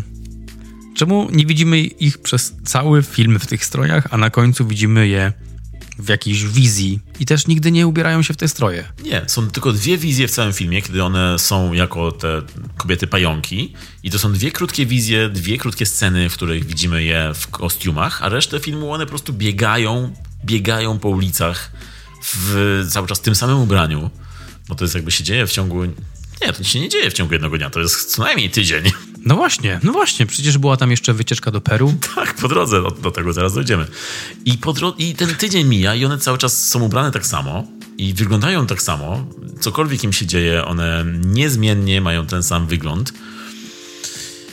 I w ogóle nic nie robią w tym filmie. One tylko uciekają, a Dakota Johnson jako Cassandra je chroni i też nie, nie ma mocy takich, żeby odbywała się tu jakaś akcja, jakaś walka. Jedyna akcja w tym filmie to jest uciekanie przed akcją. I, i potrącanie e, ludzi samochodami. Ale w ogóle, no tak, nikt nie pomyślał w trakcie, tej całej historii, że hej, maybe jest alkoholiczką i ma jakieś urojenia. Jeden urojenia ma, bo myśli, że trzy dziewczyny chcą go zabić, jakieś mieszkające i żyjące, a ta borywa te dziewczyny, bo mówi, jesteście w wielkim niebezpieczeństwie. I, I a ty pójdziesz mi po piwo. I one jej wierzą i jadą z nią oczywiście. I ona porywa trzy nastolatki, one jej wierzą, że są w niebezpieczeństwie, jadą razem i przez cały film później uciekają razem, co jest takim trochę, wiadomo, taka dziewczyńska energia tutaj ma być, ale bardzo jest to wszystko na papierze, a w filmie bardzo tego właśnie brakuje. No i a propos wizji Kassandry, która dostaje dar jasnowidzenia, dostaje dar przewidywania przyszłości. Ten dar jest bardzo dziwnie w filmie przedstawiony. Ja nie byłem pewien w ogóle przez pierwszą połowę filmu, jak ten dar działa. Right? Dokładnie, dokładnie. O co tu, ale co? Jak to? Jak, to znaczy, że masz wiele ścieżek, ale jakby nie widzimy, jak ty to robisz. Czemu masz wpływ na jedne rzeczy, na drugie nie? No właśnie, ja nie wiedziałem, czy to jest na zasadzie Doctor Strange to ma być, czy to ma być jakiś wróżbita Maciej bardziej. Nie byłem pewien, w którą stronę idziemy. Tym bardziej, że właśnie są sceny, kiedy ona y, przewiduje te dwie, trzy minuty do przodu i te sceny się powtarzają za chwilę i to ma być takie teraz zobaczcie na to, zobaczcie co potrafimy zrobić z kamerą. I po prostu robią tak, nie wiem, takie wirują wokół tej bohaterki, żeby przedstawić, że to się wydarzyło i teraz się powtarza. I przy czym ona zmienia bieg historii, zmienia bieg tych scen za chwilę, odkrywa, że może zmienić przyszłość. Przy czym następuje 5 minut później bardzo duża scena, kiedy jej sierżant chyba straży pożarnej, grany przez Mike'a Epsa, Mike Epps, dobry, dobry aktor. No i Mike Epps wsiada w tą karetkę i ona widzi, że on zginie za chwilę, że wjedzie w niego inny samochód i ta scena się powtarza i ona go nie ratuje. No właśnie, no jakby what? That's racist. Rasistowska decyzja scenariuszowa. To jest rasistowskie filmie. Także to było bardzo dziwne, to był bardzo dziwny wybór, że ona czasami może coś zmienić, czasami nie może, to w ogóle nie rozumiałem o co tutaj chodzi. Porozmawiajmy o dziwnych wyborach w tym filmie. Czy byłeś, jesteś w stanie spamiętać, ile razy stawała obok em, instalacji lub takiego obrazu, który miał przypominać sieć pająka? Kojarzysz to? Chodzi ci o Dakota Johnson w filmie? Tak, chodzi mi o Dakotę, tak, tak. Nie widziałeś tego? To było na każdym kroku właściwie. Szyba jak się tłukła, to tylko w, w formie pajęczyny. Jak Tak, tak, tak, stawała gdzieś, to otaczały ją rzeczy tak, że ona jest w środku pajęczyny. Okej, Jak okej. szła ulicą, to włosy jej wystawały tak z kurtki, jakby była pająkiem. Marek, bo tego nie rozumiesz. To są wszystko takie znaki pokazujące, że ona jest właśnie pajęczycą. O co chodzi? To jest wszystko próba połączenia tego filmu z, z Spider-Manem, która bardzo nie wychodzi. Po, po prostu to jest tak, jakby twórcy opanowali jeden efekt specjalny i stwierdzili: hej, wiecie co potrafię jeszcze? Nguyen z ptakami. To jest to. Raz opanowali zrobienie pajęczyny, to mówią: hej, wiecie czego tu brakuje? Pajęczyny.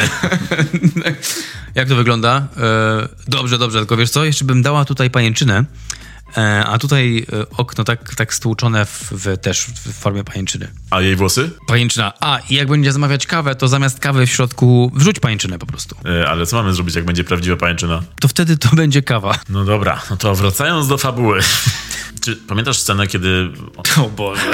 Te pytania, te pytania nie mogą się inaczej zaczynać. Pamiętasz scenę, kiedy każą iść na zwolnienie Kassandrze? Tak, dokładnie.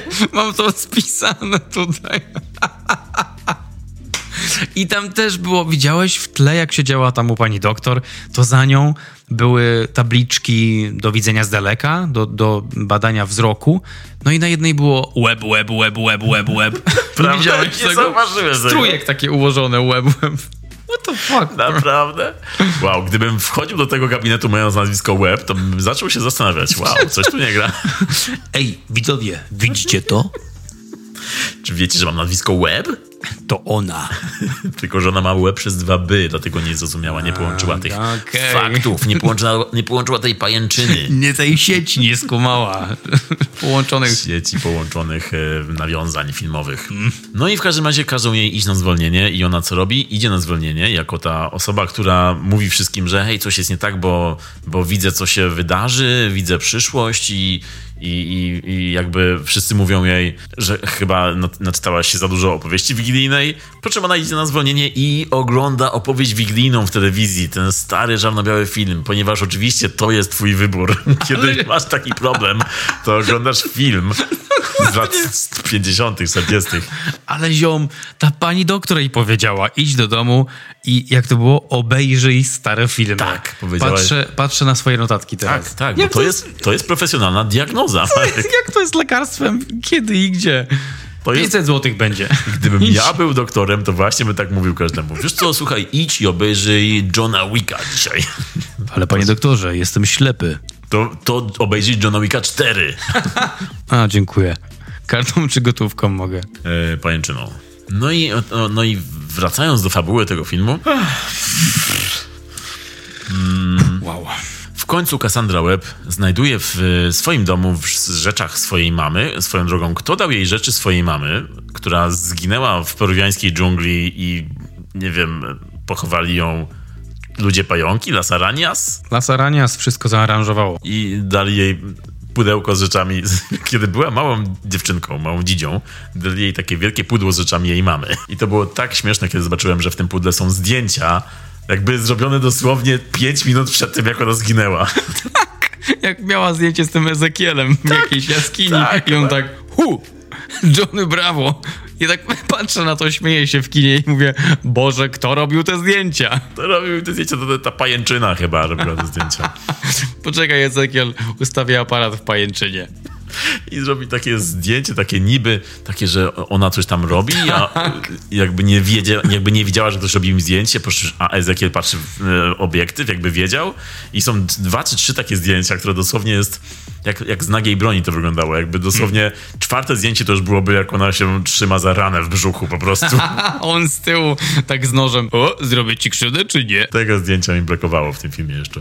No i czytając, y, oglądając te wszystkie rzeczy, czyta Dakota Johnson, czyli Cassandra, czyta tak jak znajdujesz, nie wiem, pamiętnik swojej mamy, z której nigdy nie poznałeś, nie poznałaś i ona ma ten pamiętnik w rzeczach swoich od zawsze i po prostu jest scena, kiedy siada przy tych rzeczach i wyjmuje pamiętnik i czyta go na głos.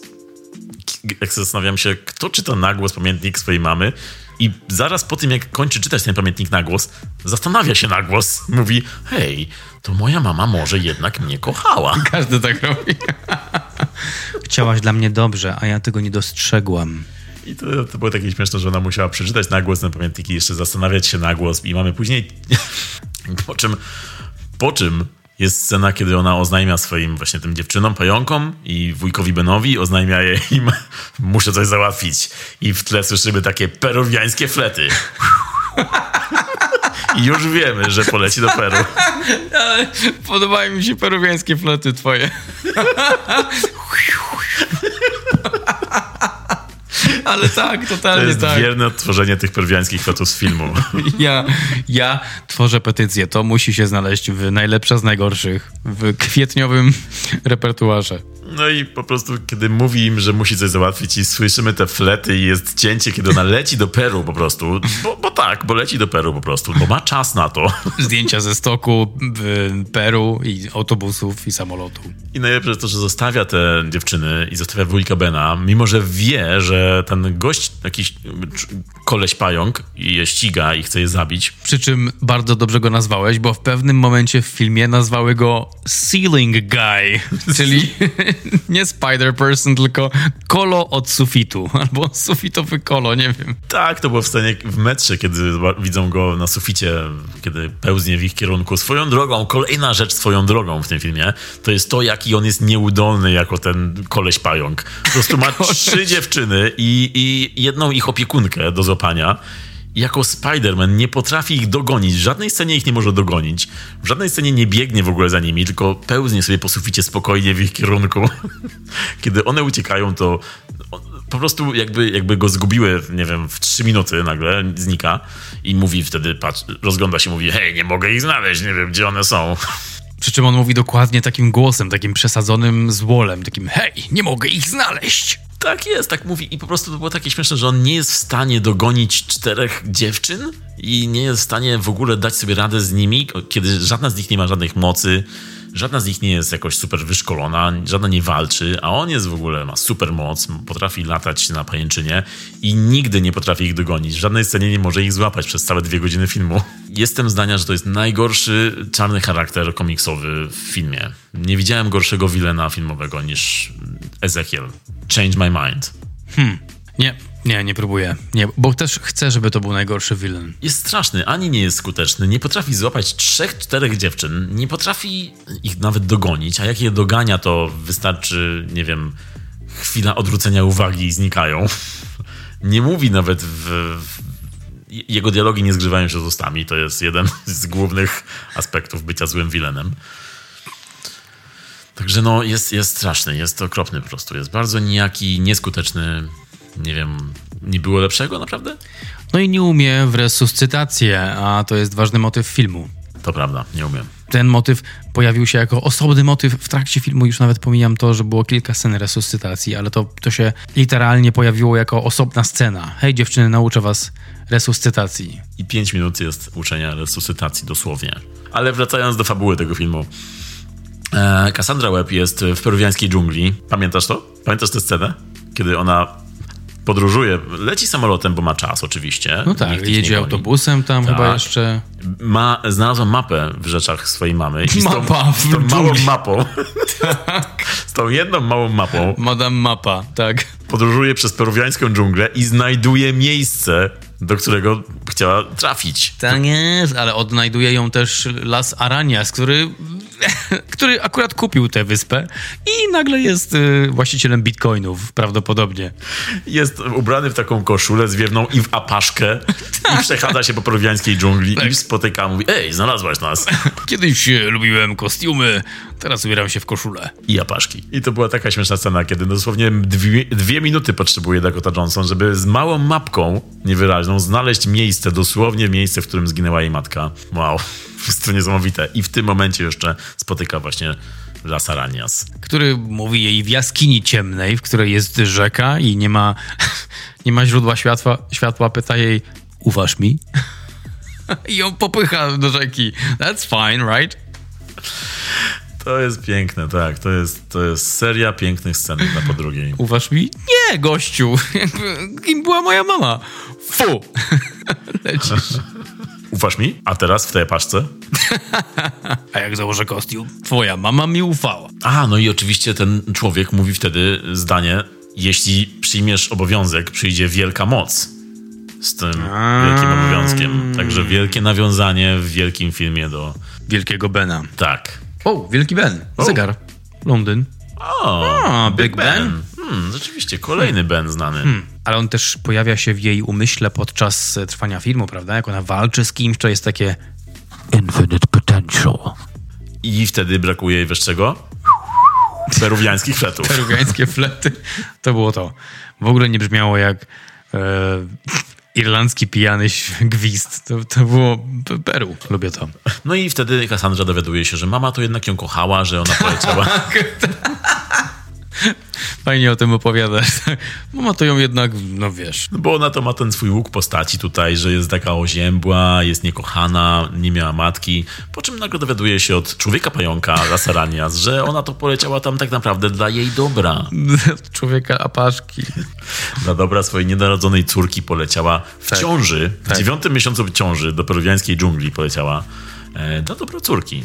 No ale powiedz mi, w jaki sposób e, Madame Webb, tak, Nakota, widziała matkę w tej swojej wizji i jak ta matka zobaczyła ją w tej wizji. Ja tego nie kumam. Że ta matka była w pokoju lekarskim, tak? I ten lekarz mówił jej, pani córka, brr. i ona wstaje z tego fotela i, i tam chyba pojawiła się też yy, Cassandra Webb i mówi do tej matki, chciałaś dla mnie dobrze, teraz już to rozumiem, spędziłam tyle czasu nienawidząc cię. Co? Czemu ona patrzyła w gabinecie lekarskim Marek, myślę, że to jest jedna, jedyna rzecz, która w tym filmie nie ma sensu. Dawaj. To jest ta. To jest ta. A, Okej. Okej. Okej, okej. Jedyna, więcej nie ma. Wszystko pozostałe ma perfekcyjny sens. E, także rzeczywiście, to mnie też zastanawiało. Wiesz, co mnie jeszcze zastanawiało? Podejrzewam, że jakaś, jakaś połać rzeczy. Pamiętasz scenę, w której em, dziewczyny z wujkiem Benem jadą do porodu, ponieważ nagle, nagle Mary zaczyna rodzić e, Petera Parkera? Tak. I jadą i ten człowiek, ten koleś pająk znajduje je, e, zatrzymuje ich samochód i już prawie ma je złapać i nagle co Cassandra robi? Wyskakuje karetką. Samochodem, tak. To była karetka czy samochód? To, to była karetka chyba, bo ona musiała ukraść karetkę, tak, żeby pojechać. Tak, tak, karetką, dobrze pamiętam. Wyskakuje karetką z billboardu Calvina Why? Kleina. Why? Also, a propos Marek, czy ty widziałeś, jak długo trzymała puszkę Pepsi podczas grilla? Marek, a propos Marek. W tym filmie Jesus. Pepsi jest jednym z głównych bohaterów. To jest, jest, jest Madame Web i Pepsi Web. Jest, to jest osobny bohater. To jest, Super. to jest tam jest tyle scen z Pepsi. Ja po prostu no- notatki sobie robiłem i na początku filmu, kiedy jest ta e, jedna z pierwszych takich scen e, z wizjami, to, to się dzieje wszystko w magazynie, w którym fajerwerki wybuchły i na tym magazynie jest wielki neon Pepsi i sobie mówię, wow, ona piła Pepsi, teraz widzimy wielki neon Pepsi Cola. Mówię, co dalej? I ten wielki neon Pepsi Cola okazuje się, że wraca do nas w trzecim akcie filmu. Tak jest. Cały finał, bo cały finał dzieje się właśnie na tym neonie. I cały finał oglądamy Pepsi Colę w tle. I nawet sobie napisałem dwie godziny, a w tym filmie nadal jest Pepsi. Więc e, Pepsi jest jeden z bohaterów tego filmu. A ja wtedy piłem Pepsi. Wow. Tak, tak jak Cassandra. Czyli dobry marketing. Dobry. Zadziałało. Dakota w, w pewnym momencie wzięła łyk Pepsi i nawet zrobiła takie westchnienie. Jak w reklamie. Refreshing. I wtedy zoom na jej twarz.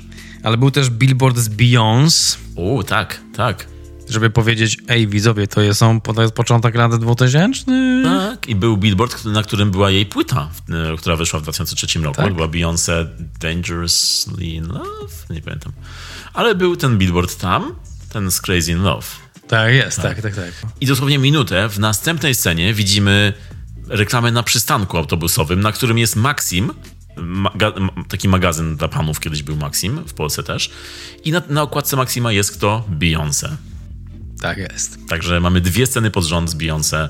To jest, e, to jest po prostu taki throwback. O, speaking of throwbacks. Nie, nawet nie mam dobrego połączenia. No jest throwback jeszcze, muzyczny. Muzyczny jest throwback i bardzo dobrze, że o tym mówisz, bo ja o tej, o tym, o tej sekwencji chciałem powiedzieć. Że ona przecież zabrała dziewczyny taksówką i pojechały gdzieś i wjechały do dżungli nagle. I zapisałem sobie, gdzie ona wjechała tą taksówką. Bo zostawiła je gdzieś w lesie. Taksówką dojechała do lasu. Jak, jak, chodźcie w bezpieczne miejsce. Also, losowy las. I nie macie nic do jedzenia, więc znalazłam wam cokolwiek w paczce, co leżało tu 3 lata. I y, potrafię przewidywać przeszłość, bo to wtedy to powiedziała. Tak, i zostawiła je najlepsze w tym lesie, trzy, i powiedziała, zaufajcie mi, nigdzie nie idźcie, i pojechała sobie. I powiedziała, zostaniecie tu na trzy godziny, widzę to. Siadła do samochodu i odjechała. No i oczywiście one po tych trzech godzinach są głodne i okazuje się, że dosłownie trzy drzewa dalej jest restauracja. W której leci Britney Spears Toxic. I wychodzą z lasu i dosłownie się pojawiają w restauracji, w takim dinerze amerykańskim typowym. I wchodzą i zamawiają jedzenie, podrywają tam ich e, chłopaki i jest już w ogóle fajnie, Tak. bo jesteśmy nagle w latach 50. w Ameryce. Teenage life. tak, nagle powrót do przyszłości się włączył i, i tak, dziewczyny z chłopakami razem tańczą na stole. W dinerze, po prostu na stole, wchodzą na stół i tańczą do piosenki Toxic, kiedy dosłownie trzy godziny wcześniej gonił je jakiś koleś pająk i chciał je zabić. Nie no, to jest, to, to można by, no, nie rozumiem, nie rozumiem. I jest tutaj też zapowiedź hitu Toxic. Jest tu ewidentnie pierwszy raz puszczają Toxic w radiu, bo zapowiada DJ i mówi: Hej, to będzie smash hit, to będzie gorący hit tego lata. Britney Spears wraca z numerem Toxic. I wtedy puszczają i dziewczyny od razu tańczą na stole do tego Toxic. I dostajemy taką mini scenę akcji. Jakby e, wlatuje ten koleś pająk, przyjeżdża Cassandra i nagle zaczynają się bić i on unieszkodliwia po kolei każdą z nich i minutę później okazuje się, że to była wizja. To się nie stało, wracamy do lasu i Cassandra odtwarza tę scenę z tym, że taki znowu anticlimax jest po prostu, kiedy już mamy nadzieję, że okej, okay, ta scena zmierza do jakiejś sceny akcji takiej widowiskowej, no to okazuje się, że ten koleś pająk przychodzi i zanim zaczyna się scena akcji, to Cassandra wjeżdża w niego samochodem i go nokautuje i dziewczyny wsiadają i uciekają znowu. I znowu mieliśmy możliwość, jakąś mieliśmy okazję na scenę akcji i film nam jej nie daje. To jest, to jest jeden z wielkich błędów tego filmu, że tam nie ma scen akcji kompletnie. Tam jest znowu kolejna scena uciekania przed akcją. I znowu, człowiek pająk, przepraszam, koleś pająk. Ceiling Guy. Ceiling Guy. Znowu nie potrafi ich dogonić po raz kolejny. No tak, no i potem się pojawia podobna scena już w mieście, mm, gdzie może dojść do starcia. Nie dochodzi, bo znowu jest deeskalacja. No, wielki finał to magazyn z fajerwerkami. Tam jest, e, tam się dzieje. To jest wielki finał, to tak naprawdę Neon Pepsi głównie, bo to jest, dzieje się na dachu, tam gdzie jest Neon Pepsi, bo Pepsi jest oczywiście pewnie sponsorem tytularnym tego filmu. Ten film mógłby się nazywać Pepsi Madame Web, tak jak jest, nie wiem, Energa Camera Image albo Era Nowe Horyzonty. Teraz Pepsi Madame Web powinna być. No i ta scena, finał, który dostajemy, który znowu zapowiada nam jakąś akcję, i znowu pojawia się nagle jakby nowa moc Madame Web. Pamiętasz? Kiedy ona nagle... Jak się e, rozstraja? Tak, rozstraja to jest dobre słowo. Ten film się rozstroił. I w bardzo śmiesznej scenie, kiedy każda z dziewczyn nagle jest uwięziona w jakimś kawałku neona e, i nie może się wdostać. Wtedy ta Cassandra stoi na środku i naprzeciwko niej stoi koleś pająk i ona się nagle skupia, rozstraja, przy czym on po prostu stoi i patrzy i nagle pomaga każdej z nich, więc widzimy jakby nową moc jej. Infinite potential. I on nagle znowu przerywa nam tę scenę akcji. Mogliśmy mieć znowu dobrą scenę, ale on ją uderza i koniec sceny akcji. No ale to jest już finał. Mm, oczywiście pokonują naszego Wilena bardzo szybko, za szybko jak na prawdziwego komiksowego Wilena. Cassandra ląduje w wodzie, za nią spada neon Pepsi, z tym, że w ogóle jak ona wpada do wody, to w ogóle nie widzimy już tego neonu tak jakby, nie wiem, zniknął nagle nad wodą, jak w jakiejś grze po prostu, e, jak wychodzisz poza planszę. No i mamy cięcie i mamy przejście. Jakiś czas później widzimy, że Cassandra ogląda miasto, z tym, że nie ogląda, bo jest niewidoma już, bo ma te swoje białe oczy. No i jest wycofanie kamery i widzimy, że Madame Web siedzi w takim e, wózku, jak profesor Xavier w X-Menach i jest niewidoma i wszystko już wyczuwa, swoje moce ma w pełni i przychodzą trzy dziewczyny do domu i tam znowu wyglądają tak, jak wyglądały przez cały film. I tam sobie między sobą gadają, żartują i ona znowu mówi, że widzi przyszłość i tylko dostajemy taką zajawkę, jakby, że, że te trzy dziewczyny to będą kiedyś kobiety pająki. Kiedyś to będzie. Kiedyś to będzie. Ten film to jest taki film. Kiedyś to będzie, zobaczycie. Ale ona w ogóle nagle jest taka mądra bardzo, a film nie pokazuje tej drogi, żeby ona nagle mogła siedzieć na fotelu i prawić takie no, frazesy, które w ogóle, którymi chciałbym um, się trochę pobawić z tobą, bo mam dla ciebie zadanie dzisiaj. U, jestem gotowy. To jest, to jest gra. Gra nazywa się y, Sazama czy Coello. Brzmi dobrze, brzmi dobrze. Ja przeczytam tobie tekst i twoim zadaniem jest odgadnąć, czy to jest powiedziane przez Coello, albo jest to cytat z jego książki, czy jest to jakaś linia dialogowa lub coś, co było powiedziane w filmie e, Madame Web. Sazama, czyli scenarzysta. Wow, okej, okay, okej. Okay. Jestem bardzo podekscytowany teraz. Nie wiem, czy sobie poradzę, ale e, na siebie. Pierwsze zdanie. Żadne spotkanie nie jest przypadkowe. Yy, Sazama. Nie, to jest Coelho. Następne zdanie. Co jest najlepsze w przyszłości? Jeszcze się nie wydarzyło. Przepraszam. Słucham. E, Sazama. Tak, Ach, dobrze. Wahałem się tutaj między Coelho, ale, ale stwierdziłem, że jak się śmiejesz, to... Nie, to jest, to jest bardzo podobne. Wszystko, co uczynisz w życiu, zostawia jakiś ślad. Coelho. Tak, to już będziesz wiedział, e, ale dalej... Z każdym oddechem spotkanie ze śmiercią jest coraz bliższe. Sazama. Fak, dobrze. A, rozkręciłem się. Dobrze. I to było powiedziane przez głównego zwola, który siedział wtedy na schodku i powiedział Every day I breathe, my appointment with death is closer. Pamiętasz to? Ten dialog brzmi tak śmiesznie. Wow. Czy tam gets closer, nie wiem, ale po prostu jak to usłyszałem, wow. W ogóle ten, a propos tego, jak ten villain mówi i opowiada coś często, on tak ba No. ba bardzo mówi właśnie jak jakiś, nie wiem, jak, jak, jak co, dobrze, hmm, jak, jak z jakiejś starej gry komputerowej Mm, trochę. jak głos, narrator starej gry komputerowej. No, dla mnie brzmiał jak taki szkieletor z Himena. Trochę tak, rzeczywiście, jak w starych bajkach trochę, rzeczywiście, nie?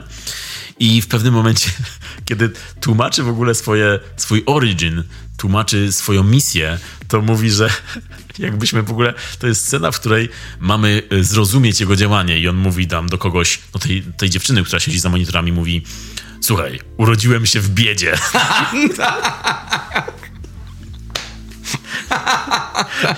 A ja wtedy mówię, ty i Peja. You and Peja included. I to jest to. Urodziłem się w biedzie, więc muszę zabić te trzy dziewczyny. Które mi się śnią. Wow, po prostu. Ostatnie zdanie. Dobra, dobra. uwaga, uwaga, czekaj. Dobra, otwieram swoją sieć. Czasami rzeczywistość zmusza nas do walki o rzeczy, których nie rozumiemy i z powodów, których nigdy nie odgadniemy. Wow. To jest długie. Było tyle, tyle tekstu w filmie? Chyba to był Coelho, bo za, duży, za długi dialog jak na ten film. To było Coelho, A, ale to dobrze. mogło być z łatwością powiedziane przez Dakota Johnson w, ostatnim, w ostatniej scenie, bo ona tam nagle takie frazesy prawiła właśnie jak z tą przyszłością. Co jest najlepsze w przyszłości? Jeszcze się nie wydarzyła. A kto umarł, ten nie żyje. Ale kiedy powiedziała, że wiesz, co jest najlepsze w przyszłości, kiedy w ostatniej scenie powiedziała to i powiedziała, że jeszcze się nie wydarzyła, to sobie pomyślałem, oho, tak jak sequel do tego filmu. Oni już wiedzieli chyba, robiąc tę scenę. To się nigdy nie wydarzy. Oni myślą, że się wydarzy, ale nie. Ten film jest w ogóle jak taka wielka zapowiedź tego, co będzie dalej, z tym, że najlepsze w tym jest to, że się nie wydarzy. Ojejku, straszne to było. Ale w ogóle bardzo dobrze poszło ci z tymi zdaniami. Chyba dwa razy dwie czkawki były, a reszta bardzo dobrze odgadnięte, rozszyfrowane. Co wygrałem? Wygrałeś umiejętność patrzenia w przyszłość. Czekaj, czekaj. Widzę, widzę przyszłość. Co się wydarzy? Podsumowanko. To co, to może, to może ocena i koniec? Ja bym miał jakiś pomysł. Mogę zacząć alternatywnym tytułem. Ty proponowałeś Pepsi Madame Web. Ja proponuję Mada Madame Webus cytacja, ponieważ mamy dużo scen resuscytacji, która jest ważna. Kids! Ale może niekoniecznie może niekoniecznie aż tak y, powinna być osadzona w filmie. Nie wiem. No ale co tutaj mówić o filmie S.J. Clarkson? Tak długo o nim mówimy, że naprawdę nie mam energii już w sobie, bo, bo tyle za, zabrało śmianie się z rzeczy, które miały być na poważnie, ale kompletnie nie wyszły i no widać, że przynajmniej Dakota zdaje sobie z tego sprawę. No ciekaw jestem, jakie to zmiany zaszły duże na późnym etapie realizacji tego projektu. Ten film kompletnie, kompletnie, kompletnie nie wyszedł, ale chętnie zobaczę go jeszcze raz. Totalnie działa w nim taka magia filmu Sleep Over, em, filmu, na którym można dużo się bawić i śmiać i oglądać go trzeba z kimś, żeby to paździerzycho mogło em, wybrzmieć odpowiednio. To, co mnie trochę smuci, to to, że Madame Web, Cassandra Web w uniwersum marme- Marvelowym, Marmelowym, Marmelada, to jest naprawdę silna postać i to jest mentorka Spidermana i to jest y, postać, która ratowała Spidermanowi tyłek i Spiderman ratował jej tyłek i postać, która przekazywała dużo wartości i była tą, tą była tym medium Marvelowym. By, była tą osobą, która spajała wszystko, aż dziwię się, że dopiero teraz ją przedstawili, bo naprawdę ciekawa postać, więc trochę smutek, trochę śmiech, nawet Słyszeliście, że podczas tego nagrania było więcej śmiechu niż smutku. Natomiast Cassandra Webb zasługuje sobie zdecydowanie, hands down, na bardzo fajny łuk, na bardzo fajny film, na opowiedzenie tego, jak, jaką była dużą częścią e, życia Petera Parkera. Jeśli kogoś interesuje uniwersum, a jeśli nie, no to, no to jest to fajny materiał na dobry film, na dobry łuk postaci. Tutaj tego nie widzieliśmy. Twórcy przywrócili do życia coś, co chwilę później uśmiercili, zupełnie nie jak, e, jak, jak w filmie, w którym to wybrali sobie taką misję uczenia widzów, jak się robi resuscytację. Tutaj coś przywrócili i od razu uśmiercili. E, nie rozumiem o co chodzi z tym zoomem. Wszędzie zoom, e, totalnie telewizyjne widowisko. Wylen przerysowany na maksa. Te sceny w Peru, ten flet peruwiański, który robiłeś, to było po prostu, mimo tego, że out of tune, że to nie było w kluczu, to, to idealnie oddawało to, co tam się działo. E, te, te, te dialogi takie sztuczne, takie jakbyśmy widzieli w niejednym filmie klasy B E, Dakota aktorsko i w ogóle Sydney Sweeney, która aktorsko, no przecież to są dobre, to są talenty, to są dobre, to są dobrzy aktorzy um, z dużą dozą umiejętności. No tutaj, tutaj to nie, nie, wy, nie wybrzmiało, nie wygrało.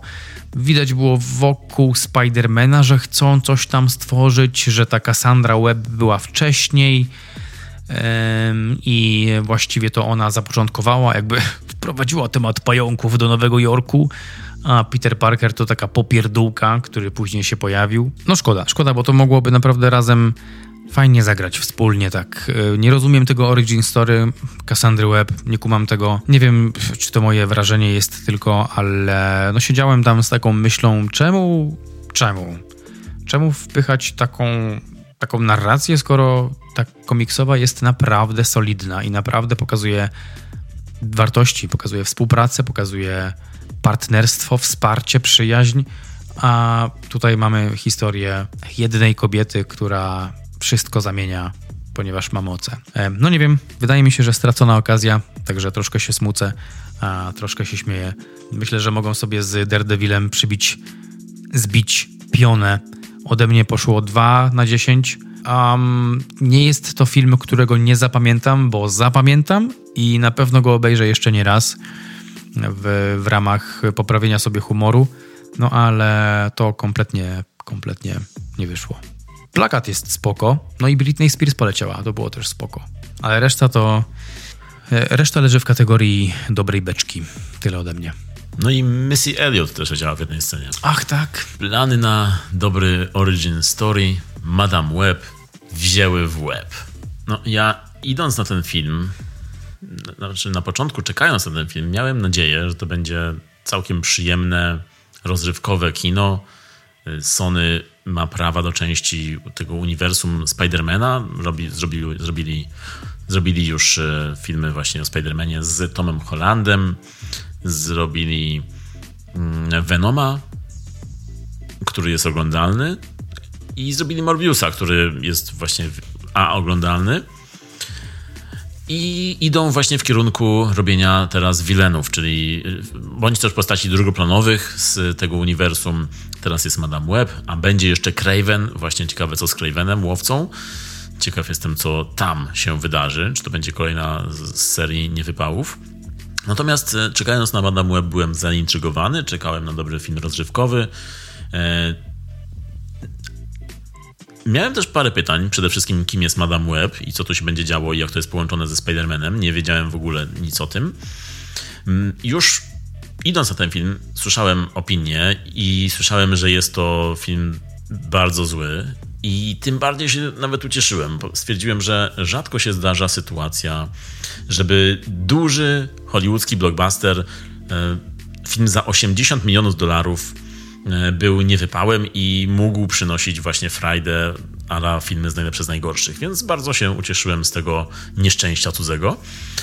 E, natomiast już oglądając ten film, miałem mętlik w głowie. Ten film to jest jeden wielki chaos, wielki bałagan. Jest sporo scen, że można się pośmiać. Jest też sporo nudy, sporo przeciągania, bo trwa dwie godziny aż Madame Web. I dużo ludzi go nie widziało i myślę, że nie pójdzie na ten film. Co prawda nie zrobił aż tak mało, bo chyba już się zwrócił w tym momencie, więc być może jak na, pojedzie na tej opinii filmu złego, to może zarobi na aż tyle, że powstanie jednak sequel. Ja jestem za tym, żeby powstał e, film Madame Web 2, Spider Drużyna i wreszcie wtedy może zobaczymy dziewczyny w pełnej krasie e, kobiet pająków, a dziewczyny są tutaj mocne, no bo obsada oprócz, oprócz Dakoty Johnson e, jest tutaj jeszcze tak jak powiedziałeś, Sydney Sweeney, o której nie mówiliśmy, a przecież to jest jedna z najbardziej obiecujących aktorek młodego pokolenia. Aktorka, która dokonuje bardzo intrygujących, ciekawych wyborów, bo ma na koncie już, wybiła się przede wszystkim w serialu Euforia, później była opowieść podręcznej, później był Biały Lotos. Wszędzie myślę, że wybijała się w jakiś sposób, została zapamiętana z tych seriali, z tych mniejszych nawet ról. A ostatnio Zagrała też w filmie u Tarantino, w pewnego razu w Hollywood, co, prawda małą rulkę, epizod, ale już widać jej jakiś e, kierunek taki, w którym podąża i ten kierunek jest bardzo ciekawy. Ostatnio zagrała w komedii romantycznej e, Tylko nie ty, która będzie wchodzić niedługo na nasze ekrany i, i też zagrała w filmie Reality, w filmie na podstawie jej prawdziwej, filmie na podstawie prawdziwej historii. Zagrała prawdziwą e, kobietę, która nazywa się Reality Winner bardzo dobry film w ogóle, bardzo dobry film, polecam, jeśli ktoś nie widział, jest dostępny na HBO Max, z jej bardzo dobrą, dojrzałą rolą. Naprawdę po prostu jedna z y, aktorek, które obserwuję i na, na których karierę e, czekam, aż rozkwitnie w pełni. No i właśnie kiedy widzę ją, Sydney Sweeney, w takim filmie, w takiej roli, z jednej strony rozumiem tę decyzję, no bo wiem, że pewnie chciała zagrać Spider-Woman, to jest coś, co przede wszystkim daje jej jakąś e, taką karierę hollywoodzką, blockbusterową, daje, jakoś, daje jakąś przyszłość taką finansową pewną też, bo to jest jakaś seria, w której może zagrać. Ale z drugiej strony, kiedy widzę, co ten film i co ci twórcy zrobili z nią, z jej partnerkami z filmu, z, jej, z ich postaciami, no to aż po prostu płakać się chce, że dziewczyny są tutaj tak nieużyte kompletnie. Ona i jej ekranowe partnerki, czyli Izabela Merced i Celeste O'Connor. O tych dwóch nie słyszałem, ale, ale nie wiem, czy po tym filmie mm, cokolwiek o nich będę pamiętał, bo są kompletnie nijakie, nie wybijają się. Sydney Sweeney się wybija ze względu na jej, e, jej obecność ostatnio w kinach i w filmach. Natomiast to, jak grają w tym filmie, też jest kompletnie nijakie. Nic w ogóle nie pokazują, są e, do zapomnienia całkowicie, wyglądają cały czas tak samo, mają podobne miny cały czas. Ich postaci, czy też ich origin w ogóle nas nie obchodzą. I Madame Web jest ogólnie pełna ekspozycji, ekspozycji i więcej ekspozycji. W dialogach cały czas mówią, co się dzieje, mówią, co się stało, mówią, co się wydarzy. Trochę Madame Web wygląda jak sketch z SNL, mm, z tymi zoomami, i z tymi dialogami i z tym unikaniem akcji. Można by z tego zrobić spokojnie jakiś, e, nie wiem, film The Lonely Island. Dakota Johnson jest tutaj jako kolejna bardzo nijaka. Mm, jej łuk postaci jest oczywisty. Mm, wręcz momentami śmieszny. Jej Cassandra ma zdolności widzenia, które są dziwne, niewytłumaczone. My jako widzowie ogólnie musimy się tutaj dużo domyślać, bo ten film jest jakby złożony na ślinę po prostu. Momentami to bardzo widać i postać Wilena, granego przez Tahara Rahima, swoją drogą przecież dobrego europejskiego aktora, Francuza, który za swoją rolę w filmie Prorok dostawał wiele nagród, w tym nagrodę dla najbardziej obiecującego młodego aktora. I kiedy przechodzi do Hollywood, dostaje taką rolę w takim filmie, no kolejna smutna e, rzecz, smutny los dobrego aktora, który nic tu nie ma do pokazania, a wręcz wygląda jakby jego postać była przepisana, dialogi zmienione, i ten film ogólnie cały tak wygląda. Y, Sony w tym filmie często nawiązuje do uniwersum Spidermana, ale bardzo, w bardzo dziwne sposoby to robi. Tak jakby nie mogli wprost powiedzieć, że chodzi o Spidermana, jakby widzowie musieli się domyślać. Rozrzucają tam różne e, easter eggi, różne nawiązania.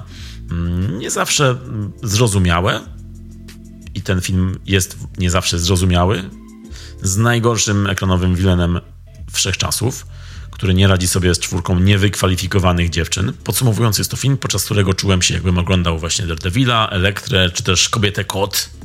I trochę jakbym oglądał Zmierzch momentami też, e, czyli nie za dobrze. Ode mnie też 2 na 10. Oh man, high two. Zamiast high five. High two. Hmm. Madame Madame Tweb, tutaj słyszeliście to pierwszy raz. Ale wracając do fabuły jeszcze. Wracając do fabuły, chcielibyśmy, abyście wy wrócili do tej fabuły. Pamiętasz tę scenę, jak e, prowadzili na noszach takiego gościa i ona resuscytowała, oczywiście, bo to ważny motyw, Re... innego gościa i zobaczyła gościa na noszach, którego wujek Ben przewozi obok i spojrzała na niego i powiedziała sprawdźcie mu brzuch. Tak, pamiętam to. Tak. I oni sprawdzi, on spojrzał na jego brzuch mówi hej, masz rację. Good job, Sandra, Cass. Tak, także dziękujemy Wam bardzo, że byliście z nami. Dziękujemy, że sprawdzaliście swoje podbrzusza, czy tam nadbrzusza, bo to abdomen. Co to jest? Abdomen. Abdomeny, że sprawdzaliście swoje. My to robiliśmy dzisiaj, oprócz tego, że traszowaliśmy film Madame Web, do którego Michał nadal szuka tytułu alternatywnego, więc jeśli macie ochotę, to możecie nam pomóc. Na socialach słyszymy się na kilku platformach podcastowych: Spotify, YouTube, e, Apple Podcasts. No i widzimy się na relacjach instagramowych, facebookowych I pamiętajcie, w każdy poniedziałek nowy PopTalk na Waszych słuchawkach. od 8 rano. Jesteśmy otwarci od 8 rano. Tak jest. Pamiętajcie o kawie. Dzisiaj zamykamy. Jest godzina 21, bo takie mamy mm, godziny otwarcia. Mówili do Was jak zwykle Michał Miller, i Marek Szczepański. do zobaczenia, usłyszenia w następnym Cześć. i PopTalkach.